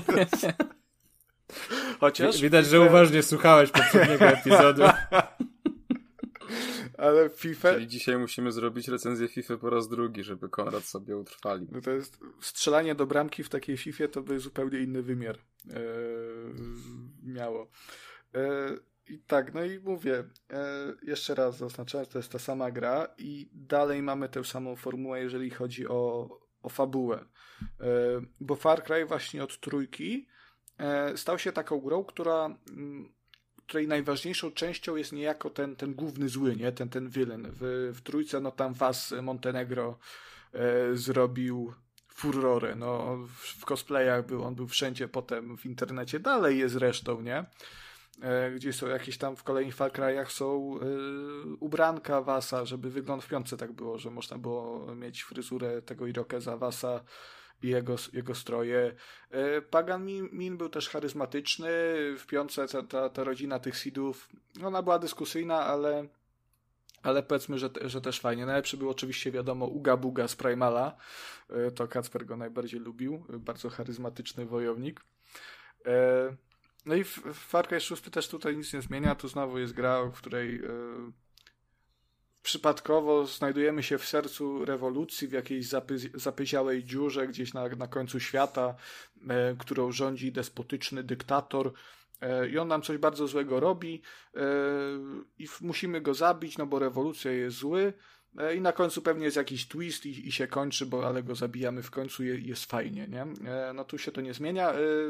I mam wrażenie, że w tej odsłonie jeszcze bardziej dokręcono śrubę, jeżeli chodzi o reklamowanie gry twarzą głównego złego, bo tutaj zatrudniono tej roli Giancarlo Esposito. E, ja osobiście nie wiedziałem, że on ma jakiej, jakikolwiek taki status kultowy, bo ja go znałem w zasadzie wyłącznie z roli Gustawa Fringa z Breaking Bad i on tam bardzo fajnie zagrał, natomiast żeby to był jakiś taki aktor, który by miał rozsławić grę, no to nie wydawało mi się, a, a jakby no internet to tam no, się posikał ze, ze szczęścia, jak, jak ujawniono, że Giancarlo Esposito będzie głównym złym.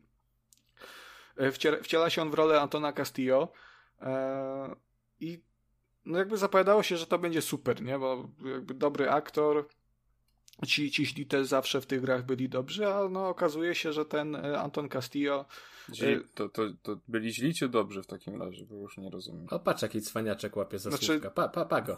A jak już się wtrąciłem, bo nie daliście mi wcześniej możliwości. A czy Konrad ci przerywał w zeszłym tygodniu? Chciałem tylko powiedzieć, że jestem bardzo smutny w takim razie tym systemem perków, jak ty mówisz, bo mi się strasznie podobał ten system, który był chyba bodajże właśnie w tej trójce, albo to było, w, nie pamiętam, chyba w trójce, że każdy perk e, to było e, jakby tatuaż na ręce ci się pojawiał. E, to było tylko w trójce. W trójce, tak. I to było super, ale poza tym ogólnie te perki w Far Cry'u mi się bardzo podobały zawsze, więc szkoda, że, że z tego zrezygnowali. Znaczy, no, wiesz co, nie zrezygnowali z, z tego, tylko przerzucili to na ubranie. To nadal jest, tylko nie musisz ciułać poziomów, żeby sobie odblokować nie wiem, to, że ci strzykawka daje więcej życia, nie? To w ogóle też ciekawostka, teraz strzykawka jest tylko jedna, ta z yy, medykamentami i ona się odnawia z czasem. E, także e, jasne, cały czas mamy do niej dostęp, ale musimy nią e, dysponować troszkę rozważniej też. No to akurat, to akurat dobrze. tak, no bo to było wkurwiające, nie? Że po każdej misji musiałeś lecieć gdzieś w krzaki i zbierać no, no to, to był taki bardzo mozolny element, który właściwie mnie na przykład właśnie takie rzeczy sprawiały, że ja nie potrafiłem w Far Cry'a grać e, mieć takich sesji kilkugodzinnych, nie? Po prostu, bo to mnie męczyło, że, że po każdym głównym questie musiałem ten. Ja o tym opowiem, tylko daj mi skończyć jeszcze o y, fabule, bo ja bym chciałbym słuchaczy wprowadzić, jeżeli jeszcze nie wiedzą, e, jakby w jakim kontekście się ta gra dzieje, a potem sobie porozmawiamy o, mecha- o samych mechanikach tak e, szczegółowiej. E, odpowiadając na Twoje pytanie, e, ci główni źli byli dobrzy w byciu złymi e, w, tym, w tym kontekście. Bardzo charyzmatyczni byli i fajni. E, I niestety Anton Castillo, grany przez Giancarlo Esposito, się e, no, tym razem nie sprawdza. I mam wrażenie, że to jest e, naj, najgorszy ten główny zły, naj, najgorzej napisany główny zły, jaki był w ogóle w Far Cry'ach, bo na dobrą sprawę to jest typowy dyktator kraju latynoamerykańskiego, którego sobie możesz wyobrazić, nie? Czyli on jest taki E, bardzo sztywny, powściągliwy, nosi ten, ten swój mundur, jakby ma przeświadczenie o, te, o, tej własnej wyższości, tam on opowiada, że, że on to jest, on to jest lew i jego ten syn, ten Diego, który też na zwiastunach był, to on, ty też jesteś lwem, e, mi icho, E, a, a ci ludzie tam, tam w tej jarze, czyli w tym, tym e, wzorowanym na Kubie kraju, no to to są, to są owce i lew musi rządzić tymi owcami żelazną ręką, bo owce są głupie, a lwy są mądre i potężne. E, jak Xbox Series X.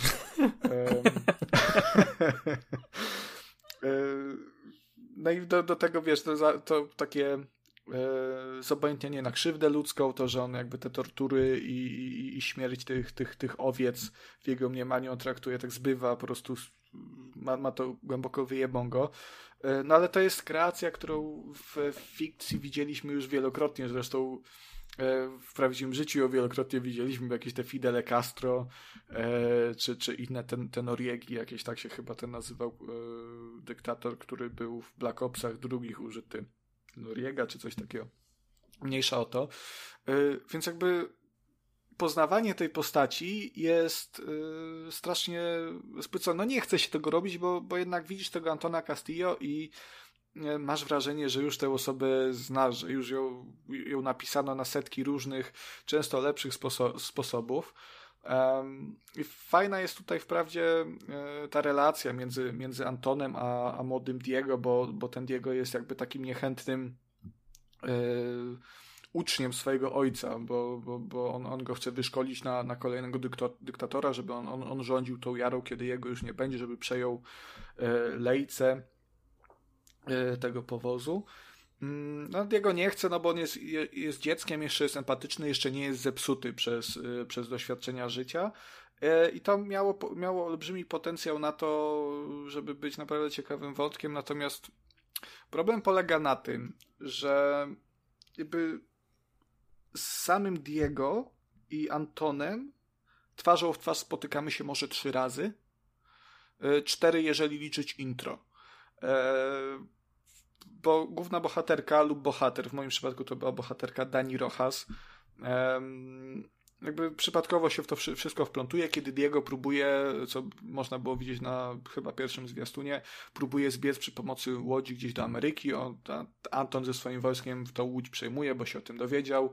E, I zabija tych ludzi, którzy tam, którzy tam byli, e, w tym właśnie niestety przyjaciół e, Dani, z którą ona też pragnęła, z którymi ona też pragnęła uciec do Ameryki to jest jakby podstawa y, tej zemsty, żeby, żeby za tym Antonem po, pobiec i żeby go te wszystkie posterunki wyzwolić jego, przejąć i go zabić na końcu.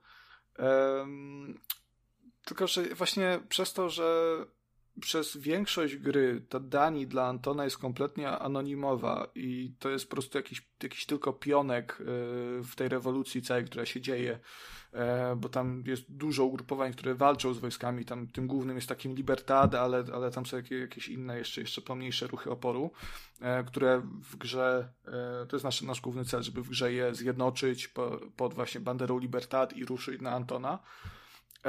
No to przez to że tego Antona tak mało spotykamy, jesteśmy dla niego anonimowi, no to nie ma tej relacji. Y, nie potrafimy go nienawidzić. Jasne, wiemy, że on jest zły, no bo zabija ludzi, wyzyskuje ty, tych ludzi, zniewala ich, żeby produkowali tytoń, a nawet jeszcze gorzej, o czym nie będę spoilerował. Ale e, dla Konrada są... to nie jest wystarczające. To znaczy, jednak ale, takie, mm, ale to nie, okay, ale, ale to nie chodzi o to, Kuba.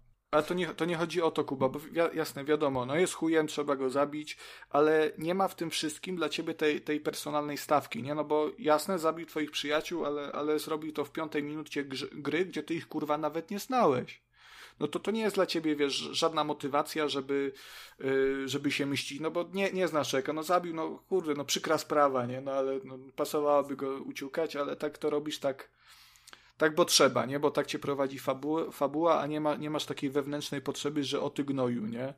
E, tak jak w, jak w San Andreas Big Smoke z Riderem yy, CJ'a zdradzili ze Sweetem i Sweet do pierdla poszedł i w ogóle była inba, grał w tym Kurwa, mówiłem ci, że tej gry nie skończyłem. Czemu mi mówisz takie rzeczy?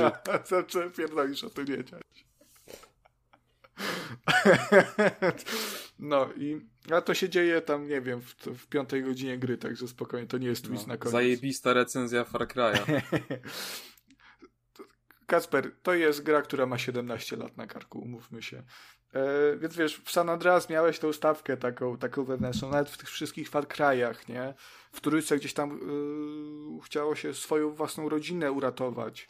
E, I ten was cały czas jakby był tam. W, Zresztą to, to, samo, to samo w czwórce, bo, bo tam jakby dążyło się do tego, żeby odkry, odkryć, jakie jakie powiązania z głównym bohaterem ma ten główny zły Pagamin, bo tam coś było na rzeczy od początku.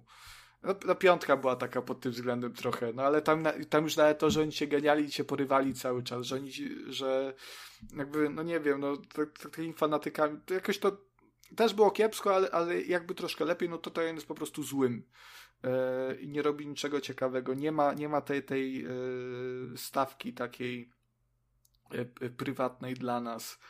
Mm, no po prostu nie oszukujmy się, Konrad. Serce ci skamieniało do reszty. Tak, no nie, no co, co nie, odsłonę, tam... to mówisz, że mniej nie... cię to rusza.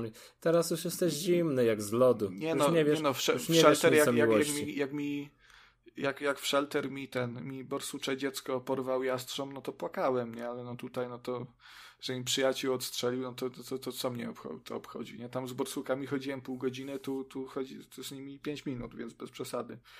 E, no i właśnie przez to, że jakby tego Antona na ekranie w zestawieniu z, z Dani Rojas jest, jest dosyć mało, bo on, jego jest wprawdzie więcej w, ca w całej grze, tylko on się jakby jakby widzimy takie urywki z jego życia, kiedy on się dowiaduje na przykład o, o kolejnym zwycięstwie ruchu oporu, e, gdzieś tam zabili jakiegoś jego, jego porucznika e, i on tam o, reaguje, widzimy jego reakcję, tam wkurzony jest i tam mówi Diego, chuje zabiły, tak nie można, to, to owce i, i ten, i, i, jakoś gdzieś coś tam, jakiś wywiad przeprowadza, ale to jest odseparowane, to jest gdzieś, da, gdzieś daleko, nie? nie? Nie jest tak na wyci wyciągnięcie ręki, jak mogłoby być, e, więc te wszystkie wątki związane z tym Antonem i, i z tym Diego, one tak nie potrafią wybrzmieć, bo masz wrażenie, że tych bohaterów w zasadzie nie zna, że to jest, że oni są z główną bohaterką i z całą linią fabularną gdzieś obok, bo tu sobie przez 15 godzin biegasz po tej jarze, wyzwalasz posterunki i pomagasz te, temu, tym ruch, ruchom oporu różnym e,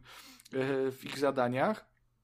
A on sobie tam siedzi, on sobie tam robi te swoje złe dy dyktatorskie rzeczy i ty nawet nie wiesz, co on robi e, dok dokładnie, nie? Także no tu jest pod względem fabularnym niestety słabo. E, troszkę to nadrabiają nasi sojusznicy, bo to jest bardzo, bardzo taka charyzmatyczna grupka, czy też grupki, bo, bo tam są różne. Są na przykład raperzy, yy, którzy walczą rapem niczym Young Leosia yy, z yy, reżimem. W tym jed, jed, jeden z nich jest w ogóle transseksualnym mężczyzną, także tu jest też ciekawy wątek, jak takie osoby e, są traktowane na jarze i, i, co muszą przechodzić. To, to jest fajne jest to, że to nie jest to jest bardzo fajnie napisane, także jeżeli ktoś e, na sam dźwięk, że takie wątki są w grze poruszane, dostaje piany z pyska, to uspokajam, jest, jest bardzo spoko. To nie jest tak, że będą z ciebie próbowali zrobić e, e, transseksualistę spokojnie. Ci ludzie nie chcą cię dorwać.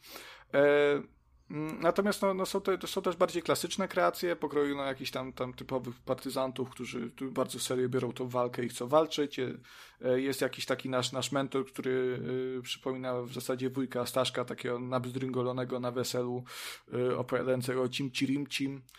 e, ale też potem poruszający politykę, że ale ten Kaczyński to coś tam, ale to cimci rimcim to jednak.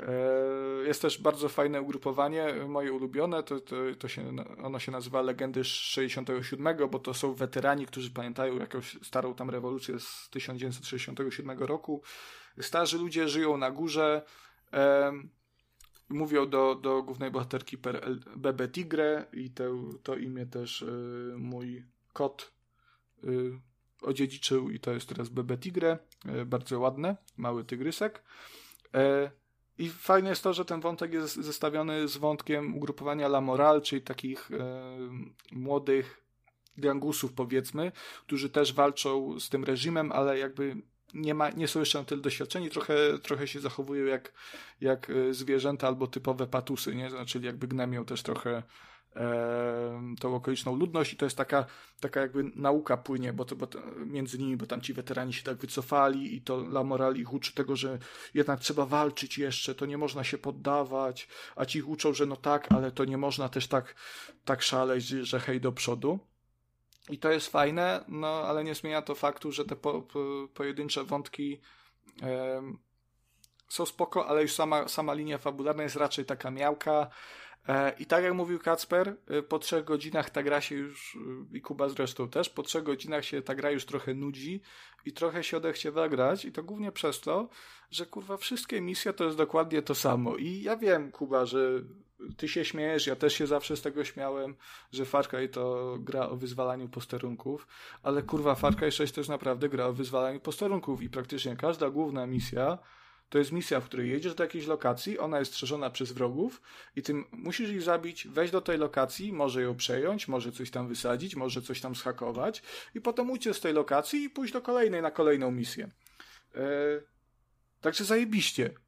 E, super, super fajnie się wyzwala te postępki. Ja już miałem dość po kilku godzinach, a, a jako, że grałem do recenzji, to tak pasowało, to e, no szybko przejść, więc ja już byłem tak zmęczony tą grą, że naprawdę ratowały mnie głównie sporadyczne misje, które e, były związane właśnie z zabijaniem podkomendnych Antona. To były naprawdę epickie batalie, jakieś pościgi były, jak bitwa z helikopterem, coś ciekawego się działo.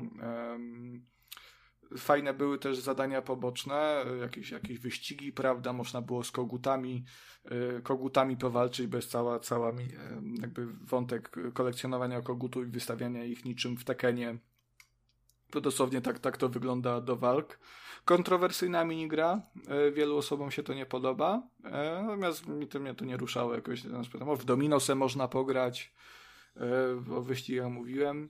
Jak no mówisz o tych walkach kogutów, to ja mam flashbacki z Filipin, bo na Filipinach to jest no chyba taki ich narodowy sport, takie bardzo kulturowa rzecz tam i jest mhm. ciężko jak cholera się wyspać. Jak się bukuje hotel, to trzeba zawsze, nie wiem, jakoś się zapytać, czy nie ma gdzieś w pobliżu, bo to są takie e, duże farmy tych kogutów i one tak już od czwartej rano. No, to, wiesz co, no powiem ci, że w Polsce na szczęście tego nie mamy. Mamy tylko patusów drących ryja pod oknem o trzeciej rano. Yy, chyba wolałbym koguty jednak. kogut ci przynajmniej nie wpierdoli, jak, jak, jak zwrócisz mu uwagę. Oj, ten, ten kogut mógłby ci wpierdolić, to ci... Znaczy wiesz co, w Far Cry jest taki kogut, który mógłby ci wpierdolić, to jest, e, on się nazywa Chikaron i to jest punkowy kogut, e, który po prostu się je zniszczenie na całej tej jarze i tam jest cały wątek z nim związany, żeby go zwerbować jako jednego ze swoich e, amigo, bo to no, na trailerach było widać, tam był ten urocza paróweczka w postaci y, chorizo, czyli tego y, jamnika na wózku inwalidzkim, który rozczula wrogów. Jest, jest właśnie chociażby guapo, to jest krokodyl w, w ubranku. Jakiś tam piesek powraca.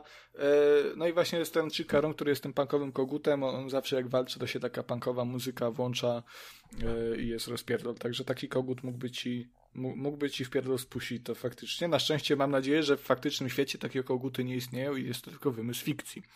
Ale jeśli e... miałbym być szczery, to wolałbym, żeby wszyscy Filipin... Filipińczycy grali sobie w Far Cry'a i tam sobie walczyli kogutami, a prawdziwym kogutom dali święty spokój. Nie, no jasne, o, oczywiście. To, to, że w grze to na mnie nie robi wrażenia, bo to jest tylko jakby zlepek pikseli, no to nie, nie zmienia faktu, e, że jak najbardziej jestem przeciwny faktycznym walkom koguto, kogutów, czy też e, wa, walkom psów, nie? Bo, bo to chyba w Chinach jest bardziej popularne, nie? Walki psów. No kogutów chyba nigdy, też. Nie, nie, nigdy się nie spotkałem, to pewnie no, wszędzie na świecie są pewnie jakieś takie takie szemrane, szemrane zakątki, gdzie to się dzieje niestety. No, także takich e, aktywności nie popieram e, i myślę, że jakby możemy to zganić również jako podcast, że nie wolno e, męczyć zwierzątek. Zwierzątka są do kosiania i, i do głaskania, ewentualnie czasem do jedzenia, e, ale, ale głównie do głaskania i kosiania. E, Jakie ładne podsumowanie. Teraz, e, teraz no to... powinienem cię zapytać, czym się różnią te zwierzątka do jedzenia od tych zwierzątek do ko kocha kochasia? Ko kosiania. Kocha ko kosiania. No, do nie wiem, no. Kosiania, ale... ale kontynuujmy Far Sklep, W sklepach są dostępne już, wiesz, gotowe. gotowe, tak? tak. Także ser serce się nie... Ja, wie, ja wiem, że, że u, u, was w Chinach jakby ten podział zwierzątka do kochania, a zwierzątka do jedzenia to, to jest trochę taki zablurowany. Mam nadzieję, że Joda jest bardziej do, do, do kochania niż do. Na, niż nabiera masy. nabiera. E, no i to jest w Far Cry'u te wszystkie aktywności poboczne, zadania tego jest mnóstwo. Tu można spędzić naprawdę masę czasu robiąc to wszystko, czyszcząc mapę z kropek. E, natomiast no, to jest, to jest taki plaster. No, znowu sama ta klasyczna formuła Far Cry'a to wyzwalanie przysłowiowych posterunków tak bardzo tutaj obecne, no to musi odejść do lamusa, bo to, bo to męczy. No już po pewnym czasie już się tego nie chce, bo ile można, e, a to serwują nam to samo od 2012 roku i miejsce akcji jest niesamowite. No to jest, to jest przepiękne miejsce, e, zwłaszcza, że Ubisoft bardzo szafuje tym takim pomarańczem zachodzącego słońca, nie? To jest fenomenalnie to wygląda. E, do tego muzyka, muzyka jest kapitalna. Ja nie lubię latynoskich kawałków. Despacito to po prostu we mnie palpitacje serca e, wywołuje. Macarena to szlak nie trafia. E, no ale jakby grając w Far Cry'a i jeżdżąc tymi samochodami, które też są tu kapitalne, bo to są takie stare, często stare klasyki, jak jakiś w stylu Chevroleta Bel Air. E, zresztą Dani po raz pierwszy w tej grze ma, ma swoje samochody, które może ulepszać, wyposażyć je w jakiś taran, e, w działka na dachu i, czy, czy granaty wyrzucane z bagażnika. I to jest super, bo można sobie ten samochód w każdej chwili wezwać i, i oni nam go dowiozą, jacyś członkowie ruchu oporu do najbliższej drogi, można sobie wsiąść, wtedy jechać i tam leci. Potem wiesz, E, albo takie klasyki jak wspomniana Macarena, czy, czy takie starsze kawałki szlagiery z lat 60., ale są też nowe aranżacje pokroju y, Hawany, Camili Cabello. Young Laosi. Young Laosi niestety nie ma. Szklanki. Niestety, niestety nie ma, nie? Chociaż to, to z tym Jungle, jak to się nazywało? Jungle Girl. Jungle Girl to by tu pasowało, bo w Najarze jest bardzo dużo dżungli. Ale jest Ricky Martin też, no? Living La Vida Loca, nie? Więc do tego, wiesz, tam po prostu jedziesz, na, na, na ale, ale przyznaj się, że z Martinem to miałeś trochę tak, że jak była tam piosenka zwrotka, to tak no, no, no, no, no, a jak refren to a znam, jadę. Trochę, trochę tak. Ja tak mam, bo... jak do KTV gdzieś tutaj pójdziemy, to, to jest jedna z ja, takich ja te... dostępnych piosenek. Tak, Wtedy ale ja tej, ja tej piosenki, to jest taka cringe'owa strasznie, ja jej nie cierpię, ale jak jeździłem, to żeśmy we trójkę śpiewali, bo śpiewał Ricky Martin, śpiewałem ja i śpiewała Dani Rojas, bo ona też ma w końcu, główna bohaterka, ma jakąś osobowość i ona jest naprawdę fajną postacią tutaj, to nie jest tylko karton jak w piątce. A czy biega i mówi też... football is life? Yy, nie, ale, co, ale coś tam mówi, nie? Zawsze jak, jakieś tam, nie wiem co ona mówiła, bo ja sobie włączyłem ścieżkę yy, dźwiękową hiszpańską w wersji y, la, latino, nie? Także nie miałem pojęcia, co ona mówi, jeżeli nie miałem napisów. Y, nie, nie wiem, jak też, jak, jak sprawdza się Giancarlo Esposito w roli Antona, ale po hiszpańsku y, gość fajnie mówił. Klimat jeszcze, jeszcze większy. Y, a sama, a sama Dani też mówię, coś, coś tam rzuca, jakieś komentarze cały czas, a jak jedziesz samochodem, słuchasz muzyki, to ona często te kawałki y, sama też śpiewa, takie te, te właśnie, właśnie między innymi Living La Vida Loca, Ricky'ego Martina, ale czy tam też jakieś rapowe bardziej kawałki. Także to jest super. Klimat jest mega. Ta dżungla jest przefantastyczna, bo to jest jakby powrót do klimatów trochę trójki znowu, nie? Ale e, tutaj ta dżungla, mam wrażenie, jest do kwadratu, jest turbo gęsta i tam masz od cholery kryjówek. E, możesz sobie z tego zasadzki z tych, z tych krzaków robić, no jest, jest po prostu fantastycznie. Mm, ale co z tego, jeżeli e, jeżeli sam gameplay jest nudny, no zwłaszcza pod koniec gry, kiedy już jakby jeżdżenie samochodem, czy koniami, czy jakimkolwiek innym, jakimkolwiek innym środkiem transportu traci na znaczeniu, bo sobie, bo e, jeżeli się wyczyściło mapę z działek przeciwlotniczych, to z punktu każdej kryjówki można sobie zamówić desant powietrzny i wtedy na tym wingsucie, który jest chyba od czwórki w serii e, i, i przy pomocy spadochronu też, który jest jeszcze od czasów trójki w serii, e, można sobie do każdego miejsca dotrzeć, bo gdzieś tam nas wyrzuca w powietrze, a my tylko lecimy, nie? Także E, no trochę te pojazdy tracą na znaczeniu, a szkoda, no bo też nie ma możliwości, żeby tą muzykę poza samochodem puścić i sobie pobiegać po krzakach, śpiewając La Vida Loca, Makarenę. E, a będąc jeszcze przy Makarenie i e, mechanikach, warto wspomnieć, to jest coś, co Kacpra bardzo zachwyciło, bo przy zapowiedzi Far Cry 6 i premierze pierwszego zwiastuna mieliśmy kłótnię z Kacprem, taką małą. Ja mówiłem, że to będzie gówno, znowu ten sam Far Cry, Yy, tylko jakby trochę bardziej zwariowany i też przepowiedziałem, że yy, będę grał, będzie mi się podobało, ale nie, ale nie będzie mi się podobało i tak faktycznie jest, bo jestem taki ambiwalentne uczucia mam. Natomiast Kacpra zachwyciło to, że yy, pierwsze zwiastuny pokazywały, że ten yy, Far Cry to może być taki ma mariaż że właśnie, że, że Ubisoft odejdzie od tej formuły i że to będzie takie coś bardziej w stylu Just Cause, nie? I na to no tak się nie stało, ale na to wskazywały między innymi bronie, które tam pokazano. No była chociażby ta, e, ten plecak z, z wyrzutnią rakiet i to jest super broń. Ona jest na cooldownie, także, także nie, nie będziemy zbyt długo używać. E, ona jest bardzo przydatna do zwalczania helikopterów. To byłem sceptycznie nastawiony, ale koniec końców to mi się bardzo podobało. Natomiast dużo większą rolę w tym zwiastunie wtedy grały, grały takie różne dziwne bronie, po których jakiś wyrzutni petard, czy e, chociażby już wtedy takiej, które ludzie się zachwycili, zachwycili takiej, e, takiego miotacza płyt winylowych, e, który odgrywał makarenę i za każdym jak się strzelało, to, to ta płyta się cofała, to nagranie i śpiewało coś, makarena, makarena, makarena. E, no to te bronie są kurwa bezużyteczne Jasne, one są fajne, są pomysłowe stosunkowo. Czyli to nie jest jak Dubstep Gun w Science nie, 4? Nie, nie. Są, znaczy, one są spoko i one są ciekawe, natomiast e, jakby one są bardzo niepraktyczne, nie? To są takie, takie novelty guns. E, że fajnie to pożywać, tu sobie postrzelasz, haha, makarena, nie? Czy, czy petardo w kogo, komuś tyłek strzelisz. E, ale Far Cry to jest seria, która od zawsze premiuje, premiuje bardziej ciche podejście do, do grania, co też jakby zwiększa monotonię rozgrywki, bo cały czas siedzisz w szachach ze snajperką albo z bronią w tłumika, z tłumikiem, no bo możesz sobie, masz dwie drogi wyjścia, albo sobie strzelasz z daleka, elegancko zdejmujesz po kolei gości, ewentualnie nasyłając na nich pieska, żeby tam y, niektórych łebków zagryzł, jak ty będziesz strzelał do kolejnych.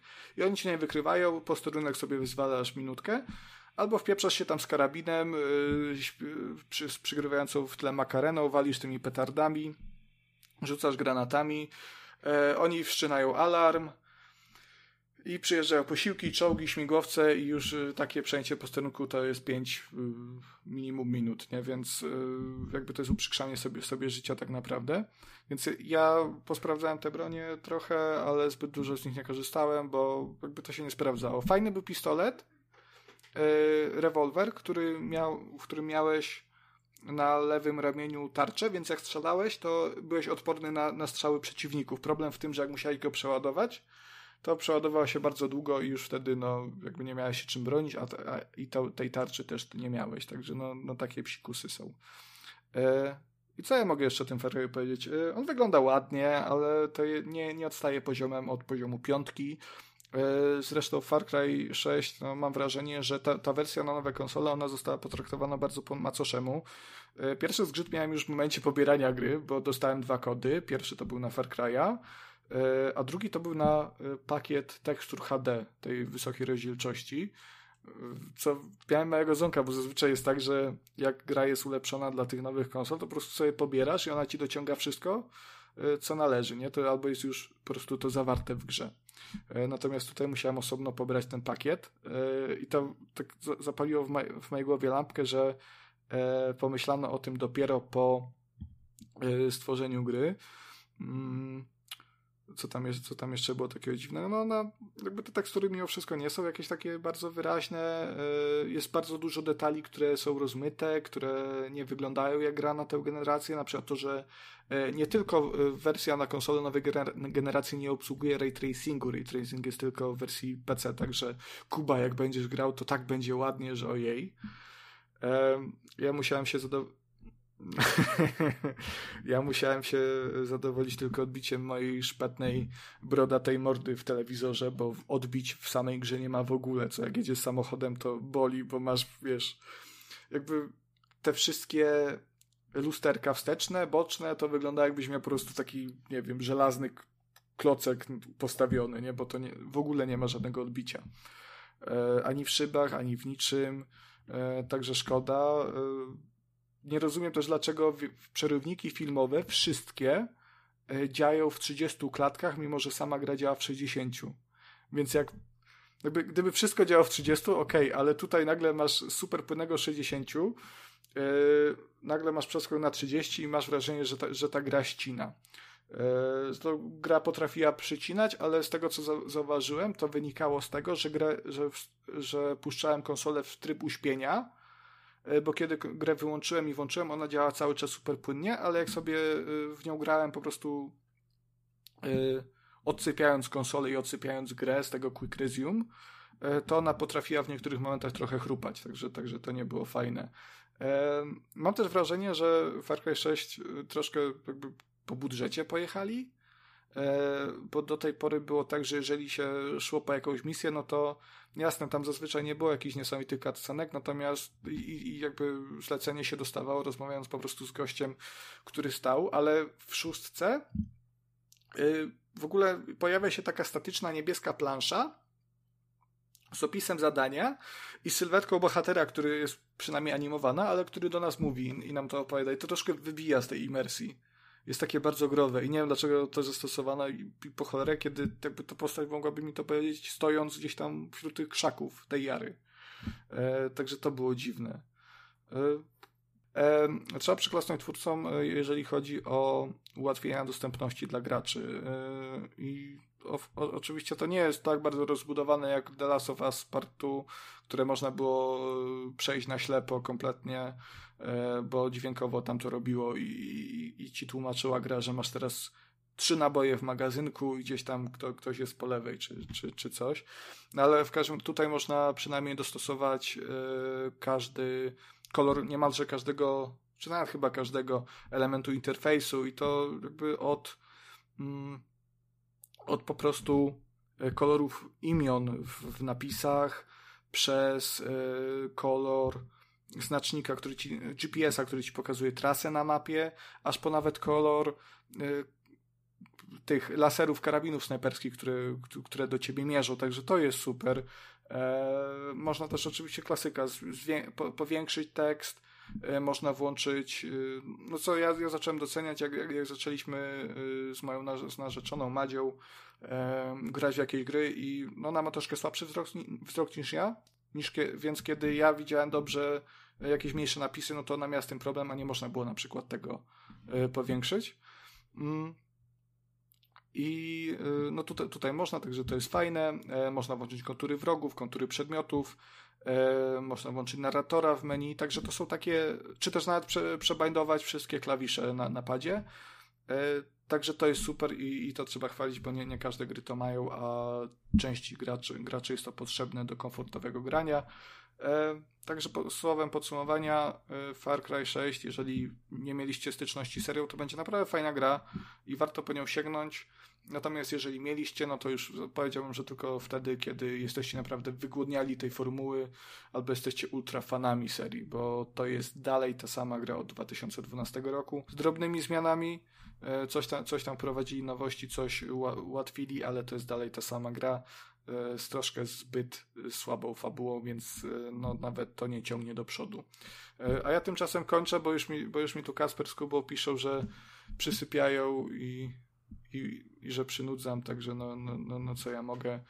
E, teraz wam Kuba opowie o e, grze, która się nazywa to gra, którą wszyscy doskonale znamy. Opowiadaliśmy o jej starszej wersji dwa odcinki temu, kiedy odwiedził nas Grzegorz Wojewoda, czyli Pres Perez e, i mowa tutaj o Diablo 2 Resurrected. Tak, a w przyszłym odcinku e, wyłącznie, tylko i wyłącznie ja będę recenzował, bo już Kasper z Konradem mają bany.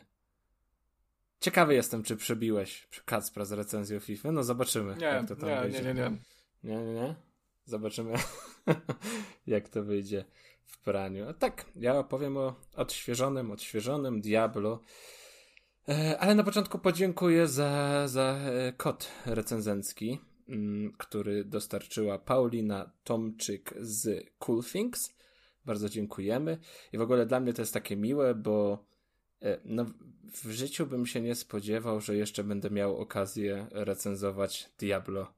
Miałem te kilka e, lat, jak grałem mm, w, to, w to Diablo. I, I fajnie jest teraz móc to zrecenzować i jeszcze tak mm, tak fajnie wykonaną, tą odświeżoną wersję.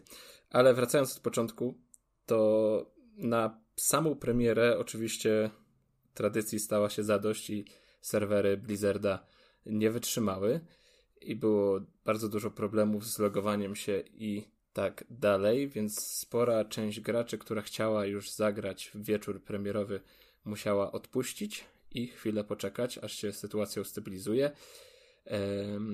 No i mnie też to dotknęło. Grałem dopiero następnego mm, dnia, ale pierwszy ten kontakt po odpaleniu i zobaczeniu, jak to wygląda. Tutaj zaznaczę, że nie grałem wcześniej w te, w te bety. Specjalnie sobie to yy, starałem się tego unikać i czekałem na tą finalną wersję.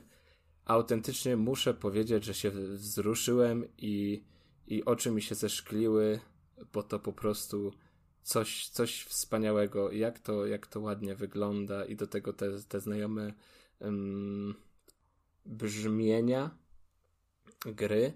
I wtedy poczułem tak, że to, to, to, to, to Diablo to jest takie jedno chyba z ważniejszych e, wydarzeń w moim e, growym życiu.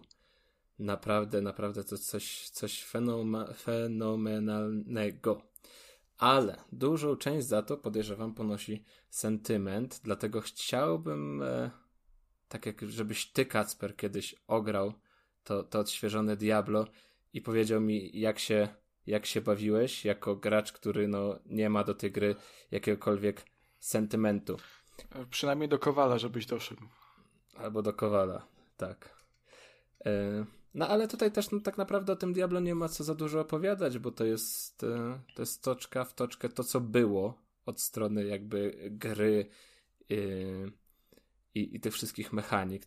To zostało zachowane i wygląda dosłownie tak jak yy, stare Diablo. Yy, także tutaj się należy skupić przede wszystkim na tym, jak ta gra wygląda. I to jest tak się nad tym zastanawiałem i szczerze przyznam, że jakby, nie wiem, rok, dwa lata temu ktoś mnie zapytał, kazał mi zamknąć oczy i zapytał mnie, Kuba, jak wyobrażasz sobie odświeżone Diablo? To pewnie w mojej głowie powstałby właśnie taki obrazek, jak to Diablo faktycznie yy, wygląda. Bo... Ale ładnie teraz powiedziałeś. Dziękuję, starałem się. Przez, przez, tydzień, przez tydzień to pisałem. Mm. Ale to co, cała recenzja już? No, no jeszcze poczekaj chwilkę. Że mi ukradłeś, ukradłeś mi tego czasu trochę, ale daj jeszcze, daj jeszcze słowo. móc zobaczyć te wszystkie potwory teraz z bliska, jak one wyglądają, a jak ja sobie je wyobrażałem, będąc tym nastolatkiem, te wszystkie detale, uzbrojenie i tak dalej, no, no coś, coś, coś co wspaniałego jest po prostu. Mm, ale o coś chciałeś, Konrad, zapytać? No bo czy ci brakowało na gości w grze? Na gości? tak. A dlaczego miało mi brakować na gości?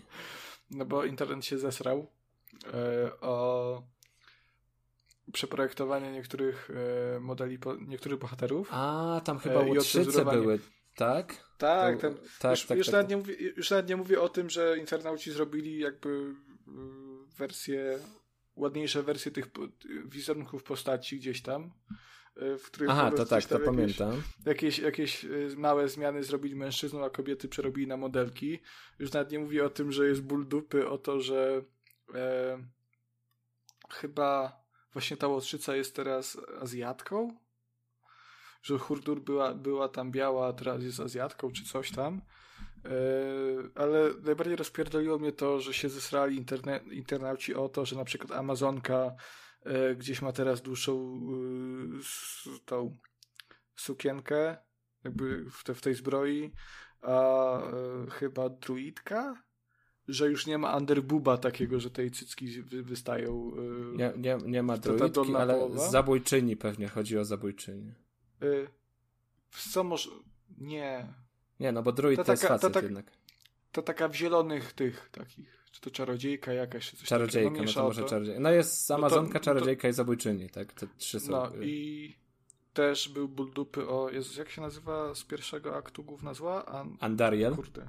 Andariel, że gdzieś tam ma jakieś y, y, cycki ocenzurowane. I ja tak no, ale czy... mnie to wcale nie dziwi przecież po sytuacjach z Mass Effectem Legendary Edition, czy przecież po tym e, wielkim buncie przy okazji e, zresztą Horizon Zero Dawn i Horizon Forbidden West, że Aloy jest brzydka i tak dalej, i tak dalej no to już jakby można było przywyknąć do tego, że większość graczy uważa, że kobiety w grach to ma być po prostu.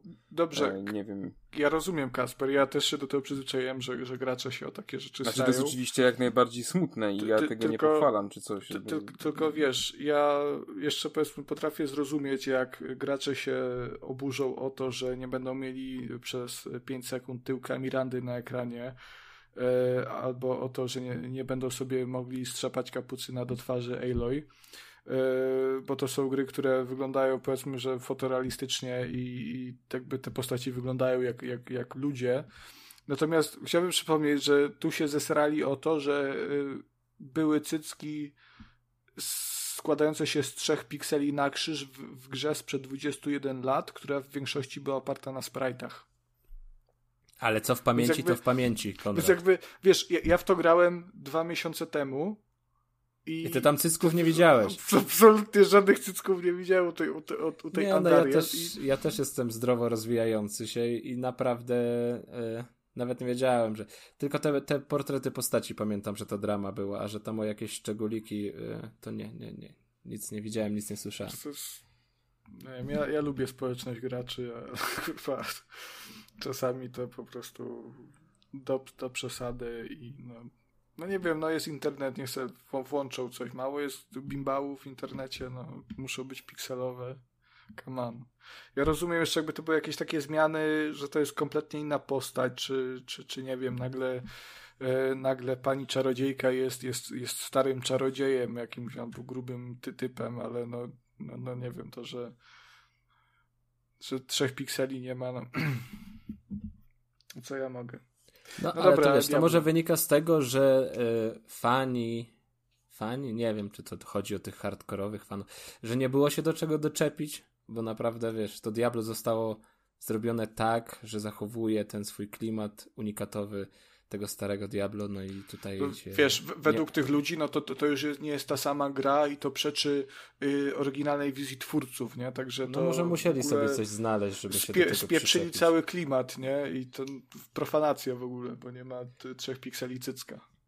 Ale ja sobie niektóre potwory wyobrażałem zupełnie inaczej niż one teraz wyglądają. Bo jednak z tych kilku pikseli ciężko było tam złożyć sobie coś, co ma kształt, to był taki O tym bardziej... mówię, no. A, a tutaj jednak możesz sobie, sobie widzisz, jak, jak, jak to było. Yy, jak to powinno fe- wyglądać. O tych fetyszach wspominałeś na Twitterze chyba, nie? Tak, tak, tak. Ja sobie całkowicie kompletnie inaczej te fetysze. Ja dla mnie to one były jakimiś takimi tymi małymi. Wie, wiadomo, to, tylko to stopy, nie? A tam ludzie. To ludzie to. Jest. Mogłem, mogłem powiedzieć no, po prostu. to tak, ale jakieś Psujecie mi, psujecie mi rozkosz z Diablo. No dobra, ja czyli tutaj, karły, no ja tutaj, ja tutaj zacząłem tak ładnie, starałem się poetycko, a ty Konrad o waleniu konia od razu. No. Co ja mogę? Jestem graczem, nie? No i tak, jeżeli chodzi o to Diablo, to wszystko się rozchodzi e, o to, jak teraz e, czuliby się gracze, którzy wcześniej nie mieli kontaktu, kontaktu z dwójką. Mm, bo słyszałem dużo głosów, że o, te mechaniki są już przestarzałe, te mechaniki są toporne, to już teraz e, trójka jest dużo lepsza pod względem gameplayu mm. i tak dalej, i tak dalej. No, no dla mnie nie. To też pisałem na swoim e, Twitterze, że dla mnie Diablo 2 jest król hack and slashów, jak Szczupak jest król wód i niezależnie od tego, jak się gra w inne, to jednak, no to pewnie jest sentyment w dużej części. Nie, ale... nie Kuba, wiesz co, nie, bo mówię, ja grałem dwa, dwa miesiące temu po raz pierwszy w Diablo 2 i bawiłem się arcyfantastycznie. E, w sumie, bo kilka tam jakichś hack and slash przeszedłem w swoim życiu i dawno nie bawiłem się przy żadnym tak dobrze jak przy Diablo 2. No, jeszcze grałem w tą oryginalną wersję, nie w Resurrected więc tylko pokazuje, że to jest gra ponadczasowa. Jasne, są miejsca, w których ta gra się zestarzała, ale ona jest dalej turbogrywalna, więc jeżeli tutaj podbili y, grafikę i resztę nie ruszali, no to jasne, ten ekwipunek tam jest chyba taki y, już nie dzisiejszy, ale pod większością względów to jest świetna gra wciąż. Mm, znaczy, ja na swoim przykładzie mogę powiedzieć tak, że jeżeli to by był tylko i wyłącznie sentyment, to po pierwszym ukończeniu całej tej kampanii, w skończeniu piątego aktu, bym powiedział: OK, fajnie było, ale no już bardzo ten. Teraz pogram coś w, in, w coś innego. Ale w sumie następnego dnia, bo jakoś właśnie skończyłem, skończyłem wieczorem, następnego dnia wstałem rano i tak, w co ja dzisiaj będę grał? W co ja dzisiaj. A, i Diablo od nowa. I, i, da, i dalej gram i podejrzewam, że skończę na wszystkich poziomach trudności. Yy Także tak, no, to już to jest uzależnienie. To jest już pewnie trochę uzależnienie, ale może, może mi nie ograniczą do 3 godzin y, tygodniowo. Zobaczymy. Mm, ale no, to się nawet pomimo tego, ja nie wiem czego, z czego wynika ten fenomen, bo to jest to jest kli, klikanie, tak? To się, to się klika, czasami zależy od buildu twojej postaci, ale czasami to będzie tak, no, jeden przycisk prostu klikanie z, potworka na potworka i tam używanie jakichś miksturek. Ale jakie to jest przyjemne, jakie to jest odmurzające, jakie to jest satysfakcjonujące. I do tego jeszcze ten no, taki, mm, można powiedzieć, że troszkę oldschoolowy ten system łupów, bo to jednak w tych, tych nowych hack to nam tego, czy tych yy, yy, grach nastawionych na, na, na lód, tego nam wylatuje, tych przedmiotów. Tutaj jednak Diablo ma taki swój, ten tak. To ciężko mi jest to opisać słowami, jakie to jest dobre, bo to jest po prostu dobre samo w sobie. Mm, I wydaje mi się, że jakikolwiek fan dwójki nie powinien być y, rozczarowany, a wręcz powinien być tak samo zadowolony jak ja, ogrywając y, Diablo Resurrected.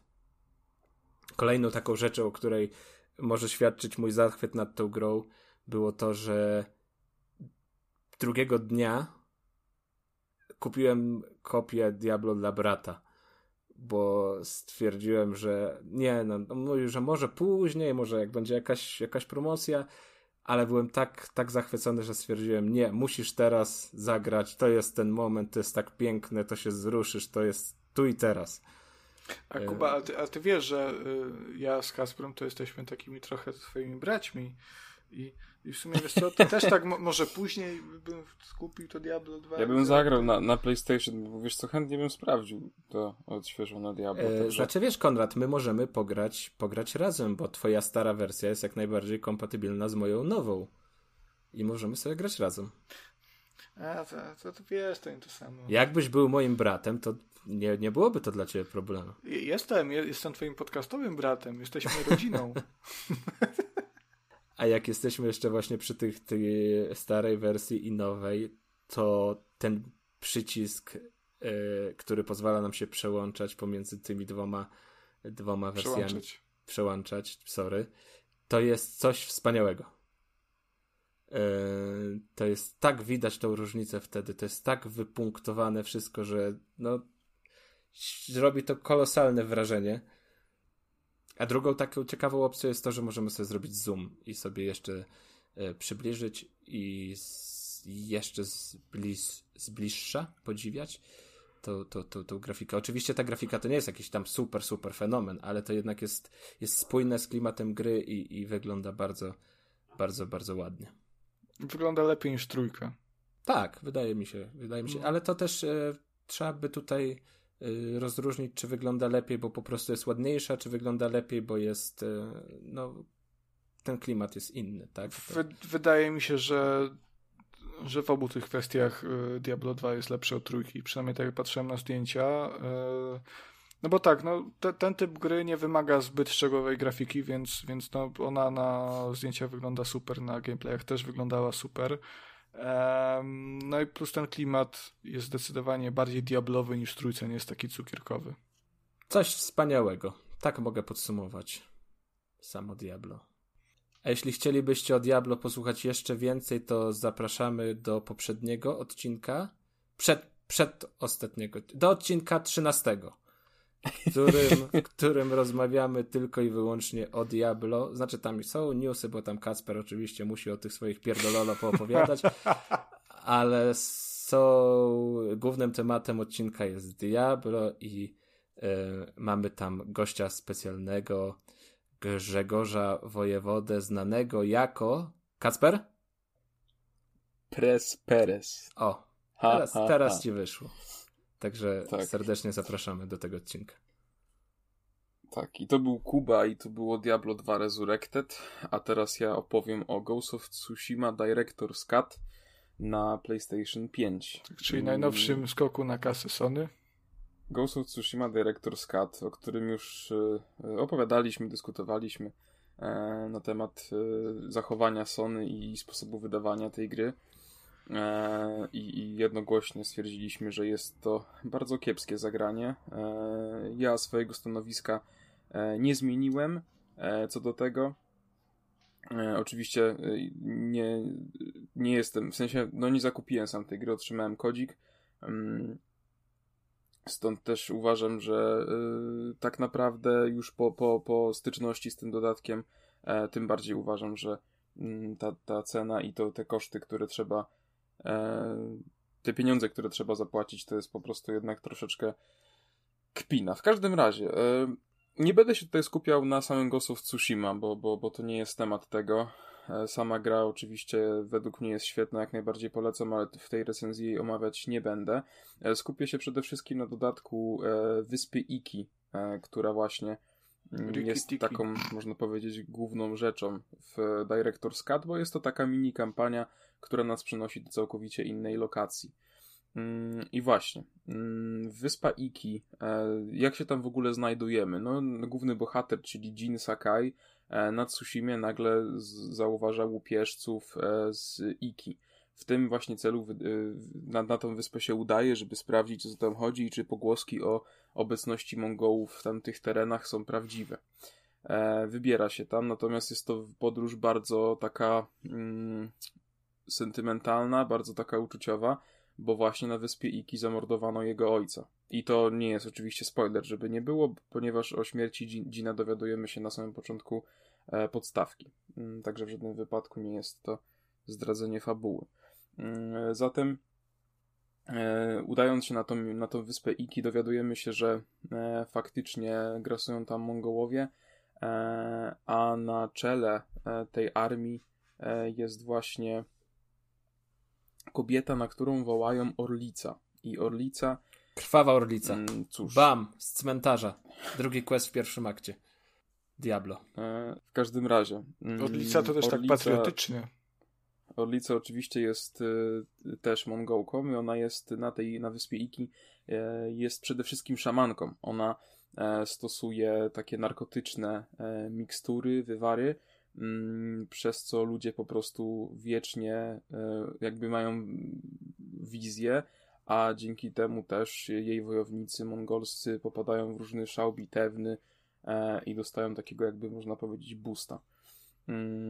Z tego względu naszym Myślałem, że powiesz pierdolca. Będzie... Nie, nie wiem dlaczego, ale... Naszym głównym celem będzie pokonanie Orlicy, ale nie będzie to takie proste, gdyż na początku zostajemy przez nią schwytani i zostajemy odurzeni jedną z jej mikstur. Z tego względu przez cały dodatek będziemy właśnie dręczeni przez wizje e, dotyczące naszej przeszłości.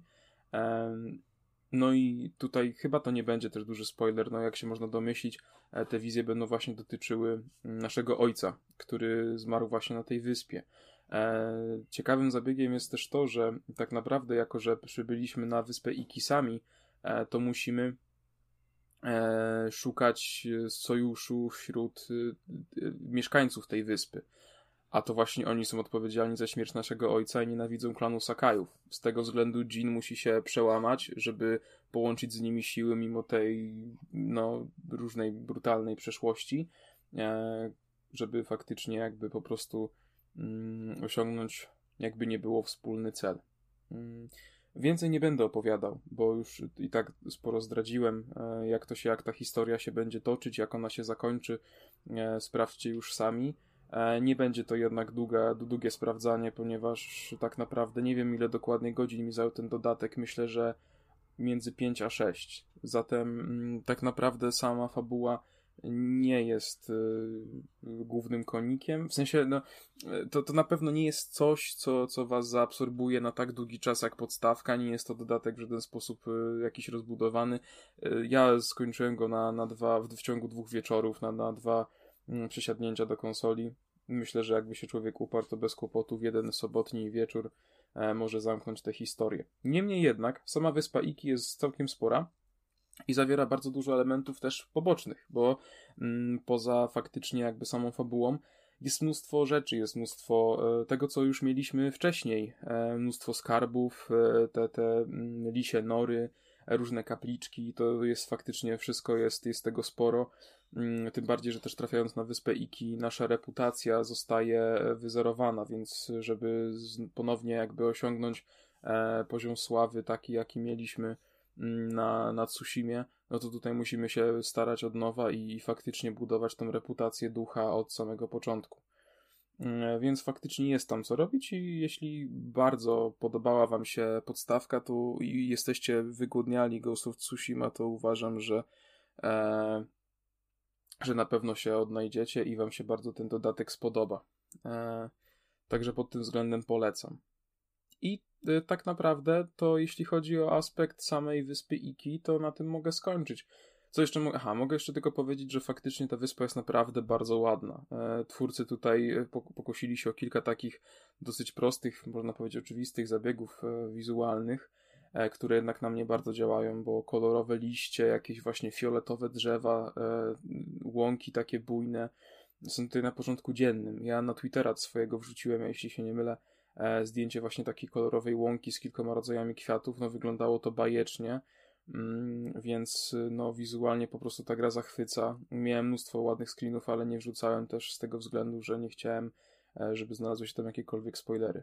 Mm, więc ogólnie sam aspekt wizualny jest na najwyższym poziomie i jak już podstawka była bardzo ładna pod tym względem, no to Director's Cut po prostu ten dodatek Wyspy Iki e, kładzie na łopatki. Mm, także jeśli, jeśli lubicie na, na czymś zawiesić oko podczas grania, e, a zakładam, że lubicie, bo wszyscy lubią, no to tutaj na pewno by nie, nie, nie skończycie tej gry zawiedzeni. Mm, ale przecież Director's Cut nie tylko na tym dodatku Wyspy Iki stoi. E, i tak, to prawda. Ponieważ Director's Cut wprowadza japoński lip-sync i faktycznie on jest i świetnie, że on jest, bo ja w grę grałem w języku japońskim. E, mm, tak uważam, że, że to jest e, moim zdaniem jedyny prawilny sposób grania w Ghost of Tsushima e, i bardzo mi to przeszkadzało, jak grałem na, właśnie w podstawkę mm, że tego nie było. Ja co prawda uważam, że troszeczkę absurdalny jest fakt, że za, za lip sync w języku właściwie, który powinien być domyślnym w tej grze, e, trzeba płacić za, za ulepszenie do wersji Director's Cut, bo uważam, że coś takiego powinno być na premierę, a jeśli nie, to powinno wejść w darmowej, bezpłatnej aktualizacji chwilę, chwilę po premierze. Mm, no ale to już jest, że tak powiem, inna sprawa.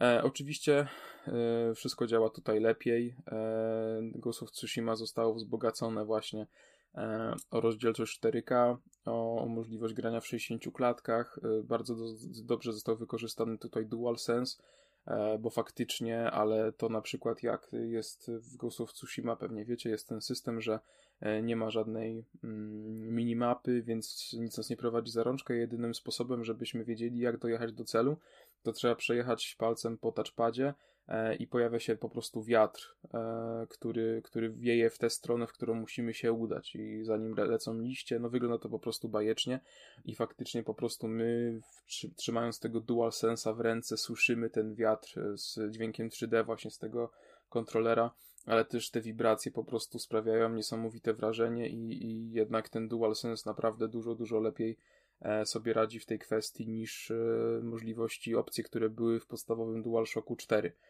Mm, więc faktycznie no, no, możliwości tego kontrolera mnie nie przestają zachwycać i faktycznie za każdym razem jak e, ogrywam grę w wersji na PS5, która korzysta z funkcji tego pada, no to jestem oczarowany e, i tutaj było było dokładnie tak samo. Oczywiście Director's Cut y, w wersji na PS5 oferuje przeniesienie danych z PS4, co jest świetną sprawą, bo e, sama wyspa Iki odblokowuje się dopiero bodajże przy drugim akcie. Niemniej jednak, nawet jakby było dostępne od samego początku, no to mm, byłoby kiepsko, gdybyśmy musieli zaczynać od samego początku, od, od nowa, żeby, żeby nie mieć żadnego swojego setu, e, umiejętności wykupionych i tak dalej. E, natomiast jest to jakiś chyba błąd, bo w momencie, kiedy zaczytałem swojego save'a e, z PS4, znaczy no rzekomo z PS4, bo ja podstawkę też przechodziłem na PS5, na PS5, ale z płyty z czwórki, e, no to raz, wraz z zaczy, zaczytaniem tego save'a mi wpadły wszystkie trofea jeszcze raz, nie? Także zdobyłem tam chyba 20 trofeów po raz drugi. Mm, nie będę marudził oczywiście z tego powodu, ale no tak chyba zakładam, że, że nie powinno być. Mm, dużo się też mówiło o tych e, adaptacyjnych triggerach i tutaj faktycznie tak jest. E, bardzo dużo faktycznie lepiej i bardziej realistycznie się, się celuje i strzela z łuku. Faktycznie czuć napięcie tej cięciwy e, pod tym względem jest, jest naprawdę super. No i też Director's Cut wprowadza nową opcję, której nie było wcześniej. Jest to opcja gameplayowa, bowiem chodzi tutaj o robienie szarży na swoim koniu, który pozwala wtedy na eliminację przeciwników jest to bardzo fajne rozwiązanie i o, jak, jak przed premierą byłem pewny, że to jest tylko taki leciutki dodatek, no to faktycznie e, myliłem się, bo, bo był to mm, taki ważny element gry i w momencie, kiedy faktycznie jest przed nami banda sześciu Mongołów, e, wykonując taki rajd e, naszym koniem, jesteśmy w stanie pozbyć się problemu e, w chwilę. Także, także bardzo fajnie.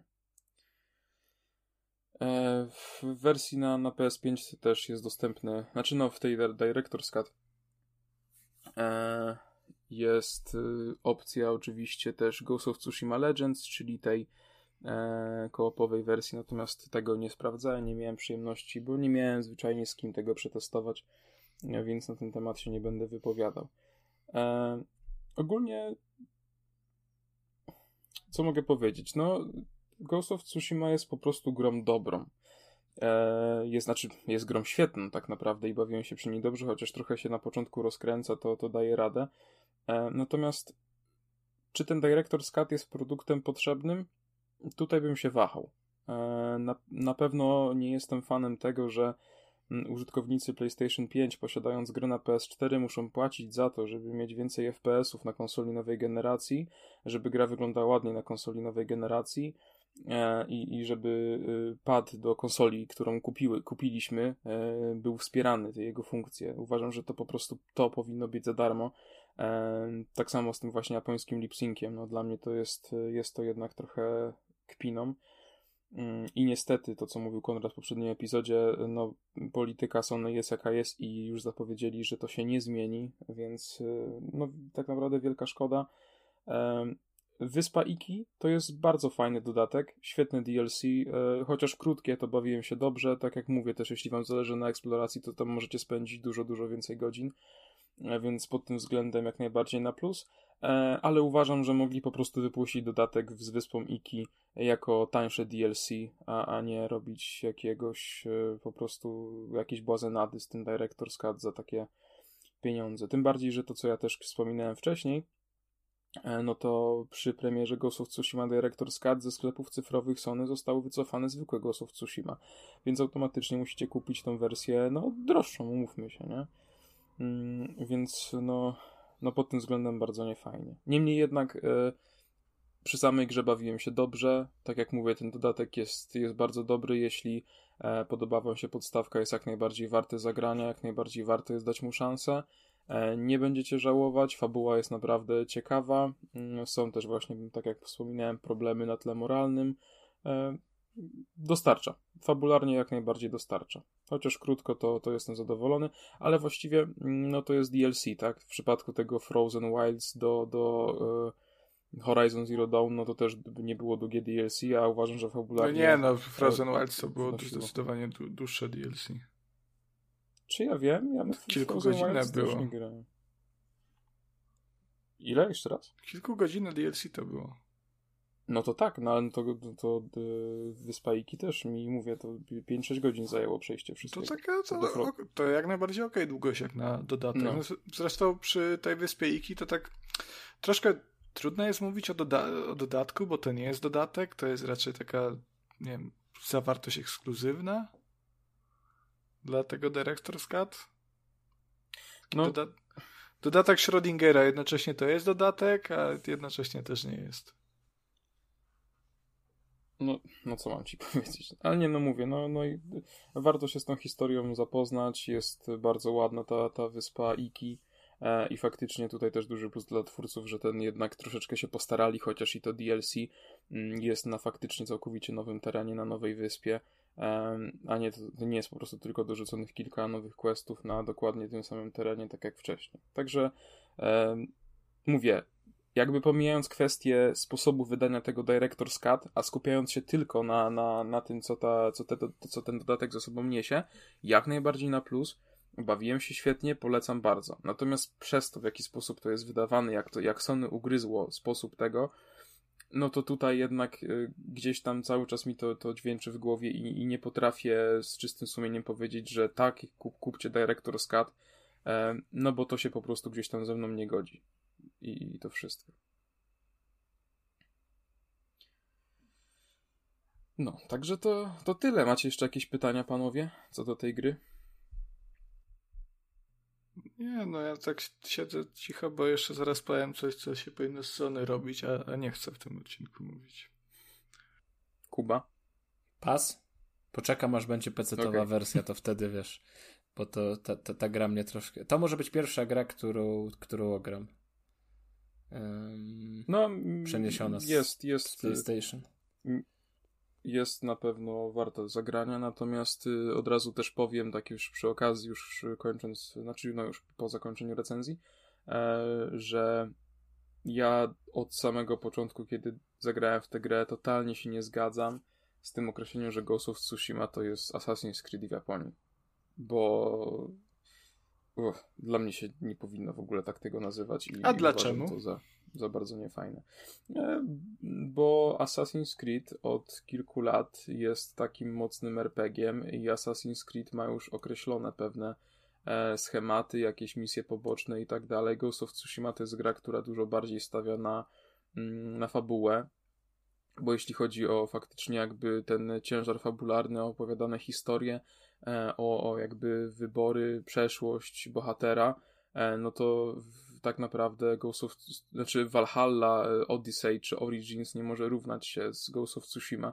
Mm, tutaj jest postawiony dużo większy nacisk właśnie na, na, na, na to wszystko, na fabułę i no, tak to, dalej. Ale to nie chodzi Więc... o jakość fabularną fabuły, tylko o sam gameplay, nie?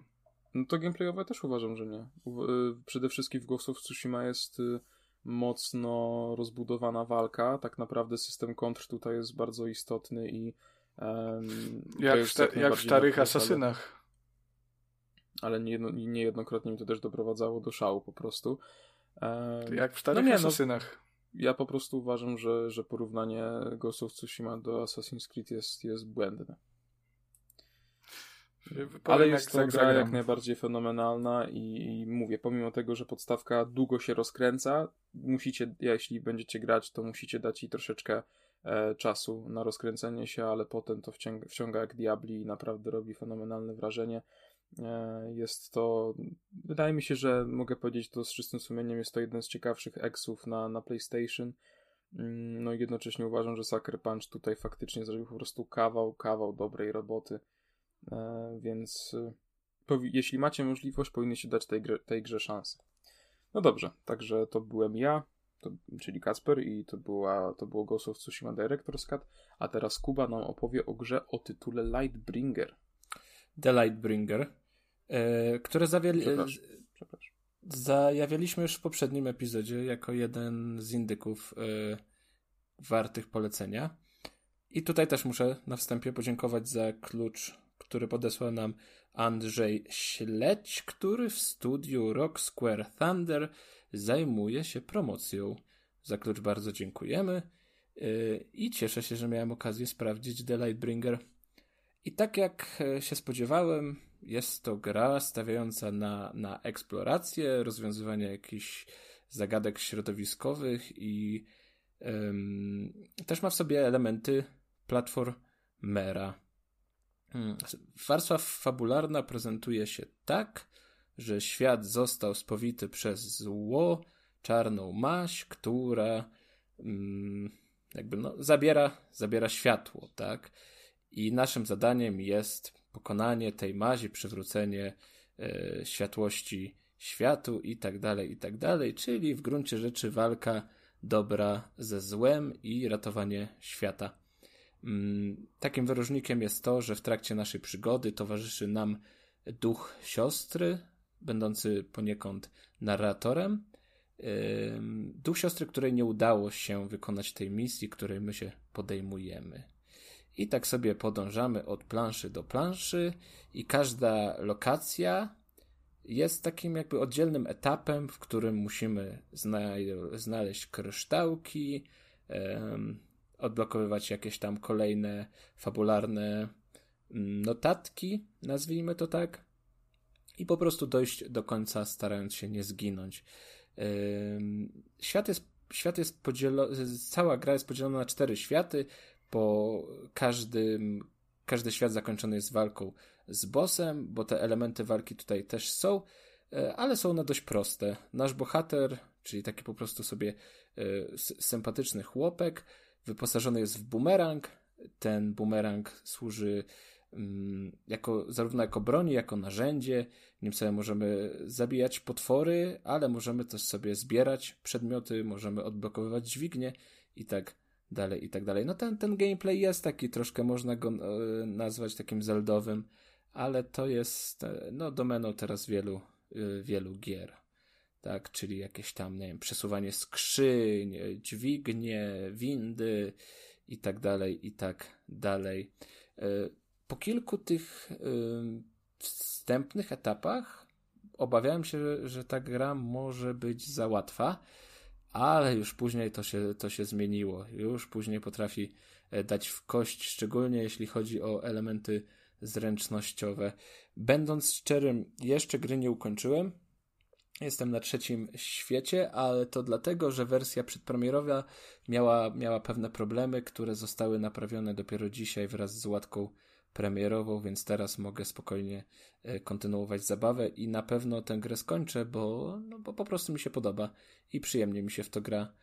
E, jakby, jakby nie frustracje płynące z tego, że porażki bywają dotkliwe, to nawet mógłbym tę grę starać się określić taką, taką yy, no ta stylistyka i to eksplorowanie ma w sobie znamiona takiego relaksu trochę, ale jak nam się noga powinie, to jednak to się szybko, szybko kończy i, i tam się troszeczkę przek można przekląć pod nosem. A jak się przegrywa? W jaki sposób można przegrać? Mamy serduszka. Kilka serduszek. Serduszka też zdobywamy w trakcie eksploracji. Trafi nas potwór, tracimy serduszko, spadniemy do wody, tracimy serduszko i tak dalej, i tak dalej. Z tym, że jeśli stracimy wszystkie serduszka, to musimy zacząć etap całkowicie od nowa.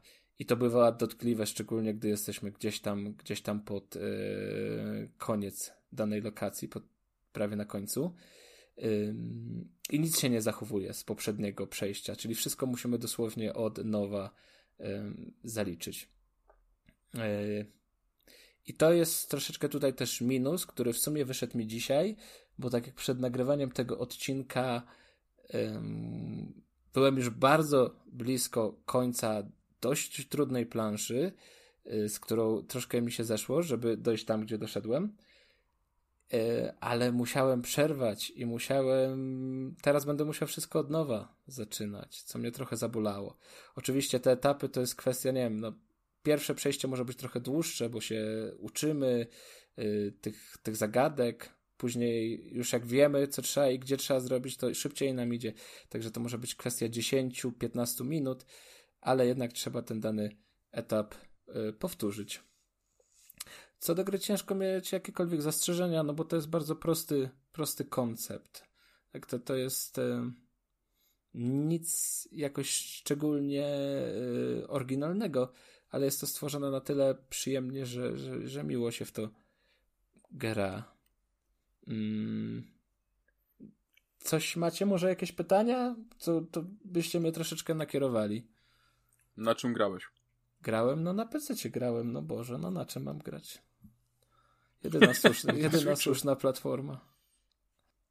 To jest, y, dla, dla wyjaśnienia mnie to troszeczkę bawi, bo to jest jedyny indeks poprzedniego odcinka, który ja spuentowałem, że no, tak średnio wygląda i mnie w ogóle do siebie nie przekonuje. Ale dzisiaj, dzisiaj tak spuentowałeś trzy indyki fajne, które przedstawiłem. Także... Nie no, dzisiaj zestawienie było dużo gorsze jak w zeszłym odcinku. Co, co czy ty mówisz teraz? Fenomenalne dobra, zestawienie było. Dobra. Konrad, ty zadawaj pytanie, ja się już nie odzywam. No ten pierwszy indyk był fajny, no, ale pozostałe dobra, dwa to... To jeszcze myślę, że taka rzecz warta wzmianki to jest to, że sobie przejść planszę, to możemy sobie tak po prostu przejść od początku do końca yy, i tyle. To będzie w miarę łatwe. Problemy zaczynają się, gdy będziemy starali się wyeksplorować daną lokację maksymalnie, czyli zdobyć wszystkie e, takie, no, nazwijmy je pospolite diamenciki, wszystkie ukryte diamenciki, wszystkie serduszka dodatkowe, wszystkie wskazówki odnośnie fabuły. Wtedy już gra zmusza nas do tego, żeby zaglądać w każdy kąt, eksplorować bardziej. Oczywiście eksploracja wiąże się z tym, że możemy przegrać, tak? Bo czasami droga do jednego Mm, serduszka może się skończyć tak, że stracimy trzy życia zamiast, no będziemy po prostu na tym w plecy. Ale jednak, e, no trzeba sobie tak e, stawiać ten, ten, ten, to wyzwanie i sprawdza się to. Czyli polecanko. Tak, jak najbardziej polecanko. Jest to taki no, drobny indyk. Bardzo, bardzo drobny, ale nie, ma, co, ma coś w sobie. Myślę, że y, jeżeli ktoś zaznajomi się z takimi podstawowymi materiałami z tej gry, to będzie mniej więcej wiedział, co się z czym je i, i będzie wiedział, czy mu się to czy podoba i czy to jest gra dla niego. No dobrze, także to był Kuba i to była recenzja The Lightbringer, a teraz Konrad opowie nam o sposobie na bycie martwym.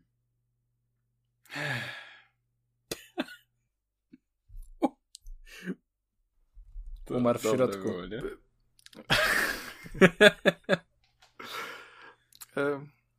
Zdarza nam się dostawać kody na gry.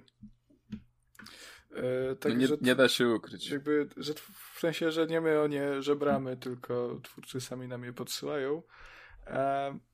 I y, lubię tak sięgać po te gry, y, nie dlatego, że cebula i haha za darmo, bo sobie pogadam, y, tylko jakby to często są indyki, które w innym przypadku mogłyby nie dostać e, zbyt dużej uwagi ze strony graczy czy jakichkolwiek mediów growych. I tak chociażby z tego powodu sięgnąłem po Glyfa, który okazał się bardzo y, fajną grą. On był chyba w 12 odcinku recenzowany, jakoś tak. E, I z tego też powodu sięgnąłem po Away to be Dead, y, grę sieciową, sieciowy survival horror, który obecnie znajduje się we wczesnym dostępie na Steamie, Kacper, na PC-ta. To jest, grałem na PC, nie ma na nic innego, jest tylko na PC-ta, e, uprzedzając pytania. E, I to jest gra, której tytuł jest dosyć...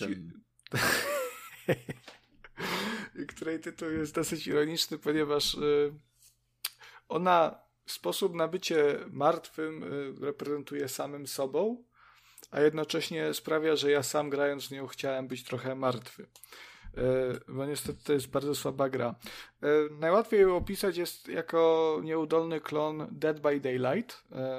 Czyli takie no, gry, w której wcielamy się wraz z innymi graczami w czwórkę mm, jakiejś takiej losowej grupki, która znalazła się w niewłaściwym miejscu o niewłaściwym czasie i obecnie jest ścigana przez jakiegoś fantazyjnego mordercę Freddy'ego Krugera, Krugera, sorry, e, Jasona Voorheesa, czy jakiegoś innego stwora rodem ze Scooby-Doo. E, tutaj jest podobnie.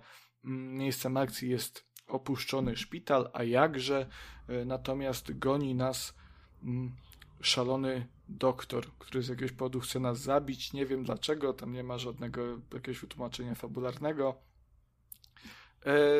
Jest to gra. No, ona nie tyle, że ona jest zła, bo ona jest koślawa, ona była robiona przez jakieś chyba rumuńskie studio. dosyć małe. Mm, widać, że goście nie mają zbyt dużych umiejętności, jeżeli chodzi o tworzenie gier, no ale okej, okay, na początki. E, problem jest taki, że ta gra jest bez sensu i ona jest nudna, bo w każdej rozgrywce robi się dokładnie to samo. E, polega to na tym, że jako ofiary biegamy po mapie, przeszukujemy leżące tam zwłoki, poszukując kończyn. I psikus polega na tym, że mimo, że każde zwłoki mają ręce, nogi, głowę i jakieś różne inne zakończenia E, ciała, to nie zawsze przeszukując je jakiekolwiek, e, jakąkolwiek kończynę znajdziemy, e, ale jeżeli już znajdziemy, to trzeba tą kończynę zanieść do jednego z kilku rozsianych na mapie grobów, że, które działały niczym lootboxy, ponieważ wkładając do nich kończynę, na przykład rękę, mamy szansę na wylosowanie klucza do wyjścia i tym samym otworzenie wyjścia i ucieczkę. E, nie zawsze. Nie, dlaczego tak się dzieje, nie mam pojęcia. Jest to kompletnie pozbawione sensu. E, w Dead, Dead by Daylight było oparte wprawdzie na tym samym, pomyśle na bardzo podobnym, tylko tam to miało więcej logicznego sensu, ponieważ tam się odpalało generatory e, produkujące prąd, który był potrzebny do tworzenia wyjścia, więc no miało to sens, na szukanie zwłok, przeszukiwanie zwłok, żeby znaleźć rękę, żeby włożyć do grobu, żeby znaleźć klucz, żeby otworzyć wejście. Już tego sensu ma mniej. Morderca oczywiście ma te ofiary zabić. Y, no i cóż, no każda rozgrywka wygląda tak samo. Biegamy bez większego sensu, starając się nie wdepnąć w kałużę, bo wtedy morderca nas może widzi nas na mapie. Mm, możemy się udawać przez chwilę zwłoki, jeżeli już trafi na nasz trop ale nie mamy zbytnio jakiejkolwiek szansy na obronę. Możemy latarką poświęcić, ale poświecić, żeby go oślepić, ale w moim przypadku to nie działało z jakiegoś powodu. E... Także bawiłem się trochę, kurde, kiepsko. Się, w sumie wynudziłem się. Mimo, że Dead by Daylight na przykład mi się podobało i nawet y, Friday the 13th, The Video Game, y, które też szybko umarło, też mi się całkiem podobało, no a tutaj no niestety yy, no jest bieda, no mało zawartości. Jasne, to jest wczesny dostęp na Halloween, yy, czyli za niecały miesiąc ma trafić nowa mapa Katedra. Yy, sama gra jest planowana na 2022 rok, ale no tak jak powiedziałem, to jest taki trochę mm, żywy przykład tego, jak y, można być martwym, bo ta gra jest martwa jeszcze przed swoimi własnymi narodzinami. E, mało graczy, trudno jest y, zebrać komplet pięciu, pięciu osób do y, wspólnej zabawy, w cudzysłowie. E, no i myślę, że ta gra może nie dotrwać do tego Halloween, co dopiero do 2022 roku i premiery, no bo tak jak kiedyś rozmawialiśmy o tym, wczesny dostęp ma to do siebie, że e, ta faktyczna premiera jest bardzo często taka pomijalna i bardzo cicha i, ta gra musi mieć szczęście, żeby, żeby się e, wybić. No, A Way to Be Dead raczej tego szczęścia nie miało, także jeżeli chcecie w to grać, e, czego nie polecam, to teraz, bo prawdopodobnie za kilka miesięcy już nie będziecie mieli do tego okazji. Tyle. Możecie mieć teraz, może was kopnąć zaszczyt wspólnej rozgrywki z Konradem Nogą z Trójkastu. Nie no, ja, już, ja skończyłem swoją przygodę. W sensie nagram coś jeszcze do... No nie mów, że, nie, nie mów, żebyś z jakimś słuchaczem nie zagrał. Wiesz co, no nie, nie zagrałbym, ponieważ ja, ja naszych y, słuchaczy szanuję na tyle mocno, żeby y, nie zmuszać ich do grania w takie kasztany. Wiesz, kupować tę grę dlatego, ale, żeby zagrać z Konradem jest jak kupowanie kalkulatora na Switch. No, no, no trochę tak, no. No nie pykło, no co ja, co ja mogę, no. No dobrze, także to był Konrad i to była recenzja A Way to Be Dead. E, a teraz ja jeszcze troszeczkę dopowiem o, o FIFA 22, e, bo jest kilka kwestii, które w poprzednim odcinku e, pominąłem. Bo po prostu przez faceci, znaczy już, że tak powiem, moi współprowadzący, kochani, wywołali na mnie taką presję, że nie dali mi wszystkiego powiedzieć. Z tego względu myślę, że jak się, jak się nazywał ten jego minutek. klub?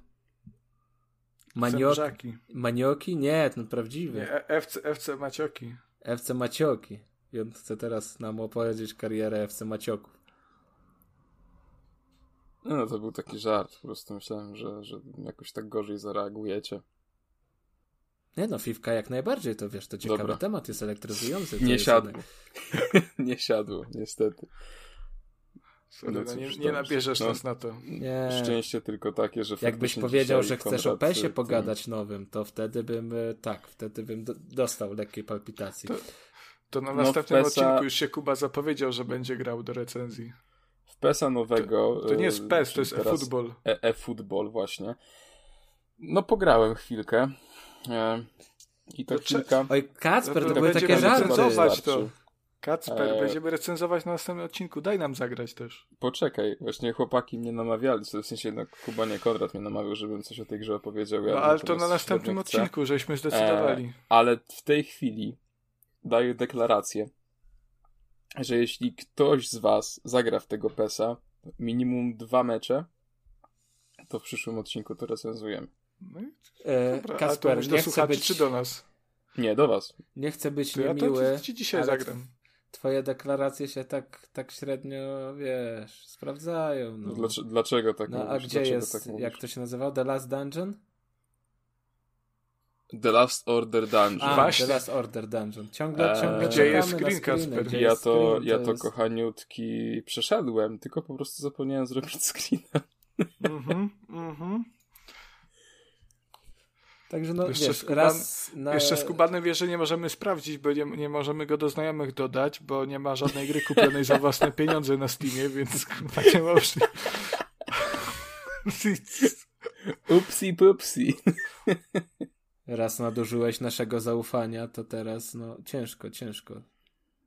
Nie, ale mówię poważnie. Jeśli dacie tej grze szansę i zagracie chwilę, to, to chętnie z wami no, Ale przecież zapowiedzieliśmy się już, że będziemy ten Natomiast sam, sam ja bym tego tematu nie, nie poruszał jednak, bo nie mam na tyle zdrowia.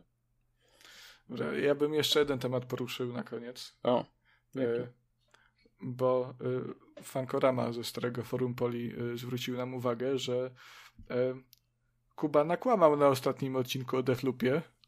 I to jeszcze mnie okłamał, bo ja to dopytywałem. Także Kuba, proszę cię, y, wytłumaczcie, co to żeś tam nawymyślał i, i nazmyślał. O, Kuba e... się tłumaczy. Co, co tam się z tą Julianą no, stało? O co to chodzi?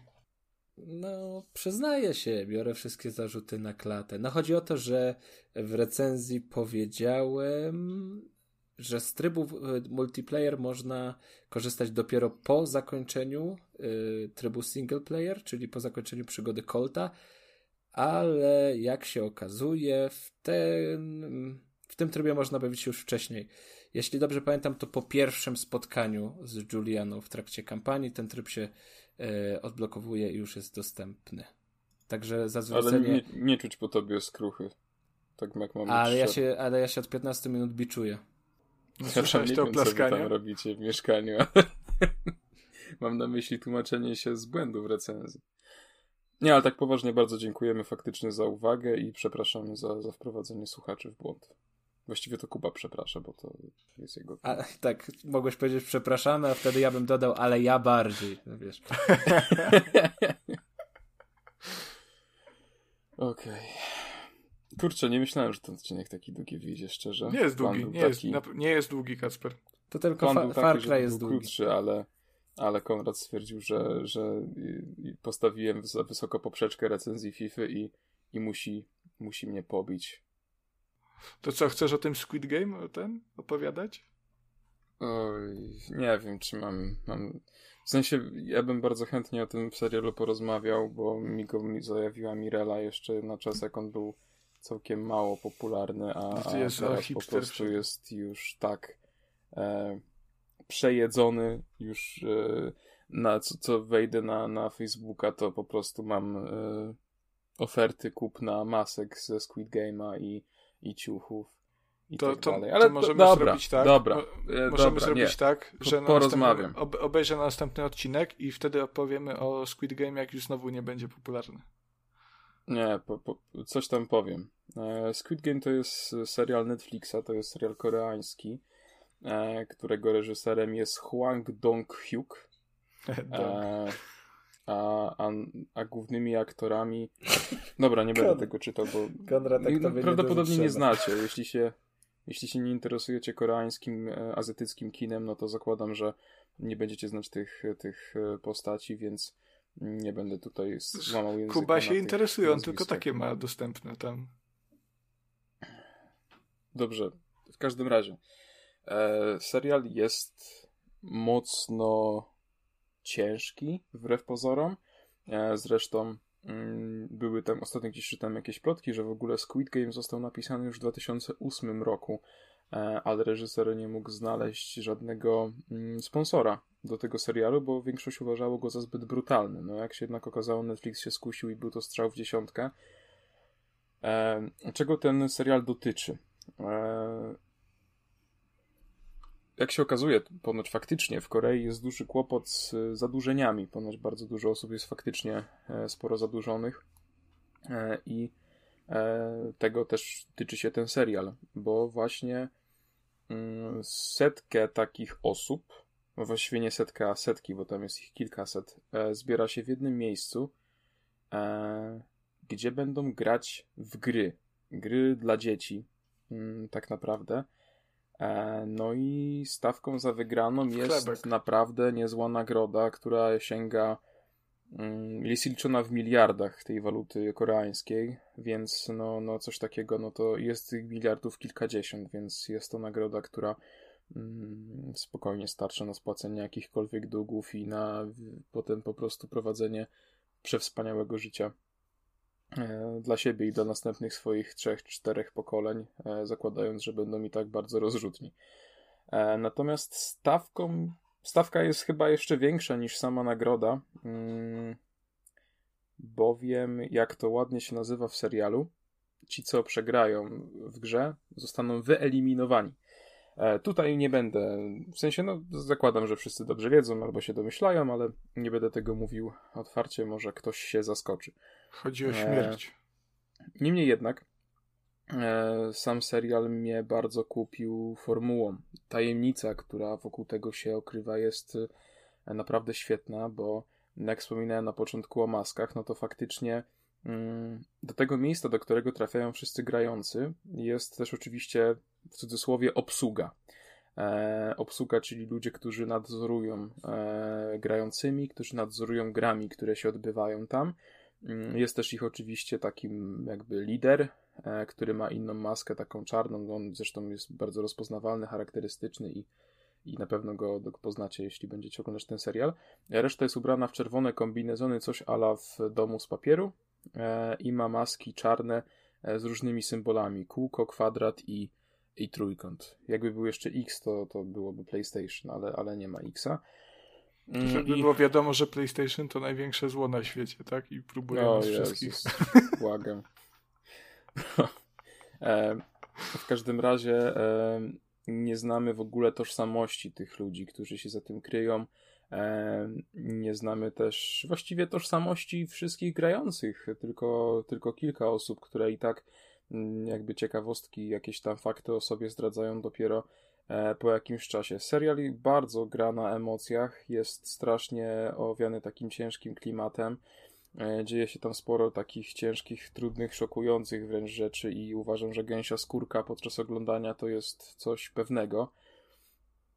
E, więc na pewno nie jest to taki serial łatwy do, do obejrzenia i też raczej bym zalecał oglądanie go starszej widowni, bo wydaje mi się, że e, jak ktoś ma lat na przykład, nie wiem, 14-15, to może go gdzieś to tam przytłoczyć troszeczkę psychicznie. E, co mogę powiedzieć jeszcze, żeby kurczę nie zaspoilerować, bo właśnie Squid Game to jest taki serial, że tutaj najmniejszy szczegół, który ja w tej chwili powiem, może zepsuć całkowicie zabawę z, z oglądania. E, z tego względu ja bym wam polecał, jeśli chcecie po ten serial sięgnąć, a pomimo tego przesytu teraz Squid Game'em w sieci, to warto, bo, bo jest to wybitna produkcja faktycznie. E, ale polecałbym wam podejść do tego z jak najbardziej świeżą głową. Wydaje mi się, że te informacje, które do tej pory powiedziałem, wystarczą, bo chociaż może nie brzmiało to jakoś szczególnie zachęcająco, to uwierzcie mi, że obejrzyjcie pierwszy odcinek. Jeśli on was kupi, to powiem tylko tyle, że im dalej, tym jest dużo, dużo lepiej. Naprawdę. I po prostu z każdym odcinkiem ten serial tylko zyskuje. E, więc polecam Wam, w sensie Tobie Konrad i, Tobie Kuba, bo, bo uważam, że e, mogłoby się Wam to spodobać i fajnie by było, jakbyście obejrzeli i właśnie powiedzieli mi swoje zdanie. I Wam słuchaczom też właśnie bardzo polecam, bo, bo e, dawno nie widziałem tak dobrej Netflixowej produkcji, jak mam być szczery.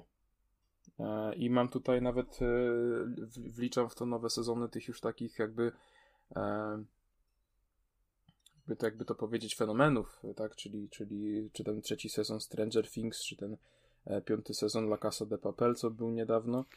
No uważam, że, że Squid Game na, na tle tych, tych wszystkich wypada dużo, dużo lepiej. Oczywiście pomijam tutaj pierwszy sezon, czy to właśnie Stranger Things, czy Domus Papieru, bo to też były świetne produkcje. Także generalnie bardzo warto się zapoznać i też muszę pochwalić aktorów, bo są naprawdę fenomenalni. E, I spore wrażenie na mnie zrobiła mm, jedna aktorka, która jak się okazało, e, to był jej w ogóle debiut aktorski. I staram się teraz znaleźć, jak ona się nazywa, ale kurczę, chyba nie będzie to łatwe. Ona gra kobietę, która będzie nazywana w późniejszym etapie złodziejką, tylko tyle powiem. Więc więc no. Natomiast mówię, no, debiut aktorski, no to chyba lepszego debiutu e, ciężko szukać. Generalnie serial wciąga jak bagno i e, ja go łyknąłem w dwa dni tylko. E, jest dziewięć odcinków, wszystkie trwają po godzinie, poza przedostatnim, przedostatni trwa pół godziny. Więc jest to inwestycja czasowa, która jest na pewno warta tego. E, I na koniec, jako ciekawostkę, mogę powiedzieć jedynie, że e, numer telefonu, który otrzymuje w pierwszym odcinku główny bohater na ulotce, okazało się, że taki numer faktycznie figuruje i jedna staruszka z Korei e, właśnie była właścicielką tego numeru telefonu i złożyła skargę, bo dostawała 24 na dobę telefony z całego świata, bo ludzie wykręcali ten numer z tej ulotki i dzwonili. E, co jest ciekawe, numer e, konta bankowego, który się też pojawia w tym serialu, e, też figuruje, ale tutaj twórcy byli troszeczkę bardziej, bardziej się wykazali myśleniem, bo, bo skontaktowali się przed emisją serialu z właścicielem takiego, mm, takiego konta bankowego i, z tego co mi wiadomo, to, to konto od niego odkupili. Nie? Chociaż nie wiem, czy to się facetowi opłacało, bo ludzie tam przelewają non stop pieniądze, nie? Teraz. Tak Także... kupi, nie? Kurde. E, I co jeszcze? Aha, jeszcze właśnie ostatnio czytałem, że Netflix ponoć dostał pozew od koreańskiego głównego dostawcy internetu, e, bo jest takie oblężenie teraz sieci po prostu w Korei, przez to, że wszyscy oglądają Squid Game, że jakość połączenia bardzo, bardzo spadła i właśnie e, ten dostawca internetu uważa, że, że tak, że, że tutaj wina jest po stronie Netflixa, co... Nie, nie można produkować rzeczy, które ludzie chcą nie, oglądać. Tak, nie, moż, jeszcze, nie jeszcze będą oglądali, co? Jak Także to, tak no. halo, halo. Absurd. E, w każdym razie mówię, serial jest na pewno warty obejrzenia. E, zresztą wszystkim, e, komu ten serial polecałem, no to każdemu się faktycznie spodobał i na każdym zrobił to podobne wrażenie, takie mocne jak na mnie. Mm, jak, no, także warto. Naprawdę. Ja to, już mam, ja to już mam na swojej liście od dłuższego czasu. Natomiast chciałbym dodać, że tak jak to opisujesz, to ten serial bardzo przypomina mi z pomysłu Alice in Borderland. To też jest japońska produkcja i ona jest na podobnej zasadzie, że grupka ludzi, jakieś tam ile, ileś tam ich setek wybrańców zostaje wciągnięta do poniekąd do jakiejś takiej dziwnej, yy, śmiertelnej gry, w której są zmuszeni do, do brania udziału w jakichś tam, tam konkurencjach. Yy, no, jeżeli tak, ale to, jest, to umierają. Mam, wra- mam wrażenie, że to jest w ogóle motyw, który całkiem kultura azjatycka się w nim lubuje, bo ja mam właśnie nawet na swojej półeczce e, mangę, która ma tytuł Judge i tam właśnie jest, nie pamiętam już dokładnie, to czytałem chyba 6 lat temu, ale E, jest bardzo podobny motyw, e, więc, więc no, ale mówię, no to, tutaj szczególnie plot twist w odcinku szóstym to jest po prostu Mistrzostwo Świata, e, więc... No nie spoileruj. Nie spoileruję. że spoilerujesz, teraz będę wiedział, że jest plot twist w szóstym odcinku. No przepraszam, to, to się wytnie. Albo czekaj, to, to w szóstym odcinku nie ma żadnego plot twistu. No kurde, no to teraz be, będę wiedział, że nie ma. No i... No, szósty odcinek jest tak samo jak w inne fajne. To dobrze, że Kuba przynajmniej dzisiaj nic nie zaspoilerował. Starałem się. Chyba zas... A jest, dobra. Na, na, na Discordzie już dostał ten, zamiast aktywny dostał status właśnie uśpiony, nie? No miał bez kitu, miał ten księżyc, zaraz wracam. No, panie kochany, pierwsza godzina dochodzi. Przepraszam. W tym wieku to już się wstaje, a nie kładzie spać. Tak, sikać w te... Siódmy raz. Dobrze, także, także to był e, pie, pierwszy raz w Trójkaście, kiedy mówiliśmy o, o innym dziele popkultury niż o grze. Mm, Ale czekajcie, bo my nie możemy tak zakończyć tego odcinka. Nie było nic o cyberpunku. Dalej jest do dupy. Dziękuję, już możemy. Panam, panam król. Tylko Judy.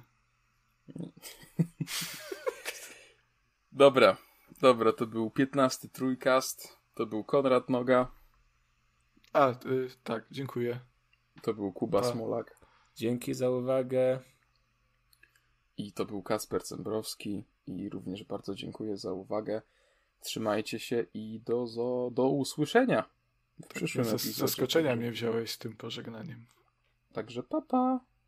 Hej, pa. hej. A wy? Co sądzicie o grach i tematach poruszanych w odcinku? Koniecznie dajcie nam znać w komentarzach, na Twitterze lub poprzez adres e-mail. Wszystkie linki znajdziecie w opisie. Pozdrawiamy. Ara, ara, sayonara!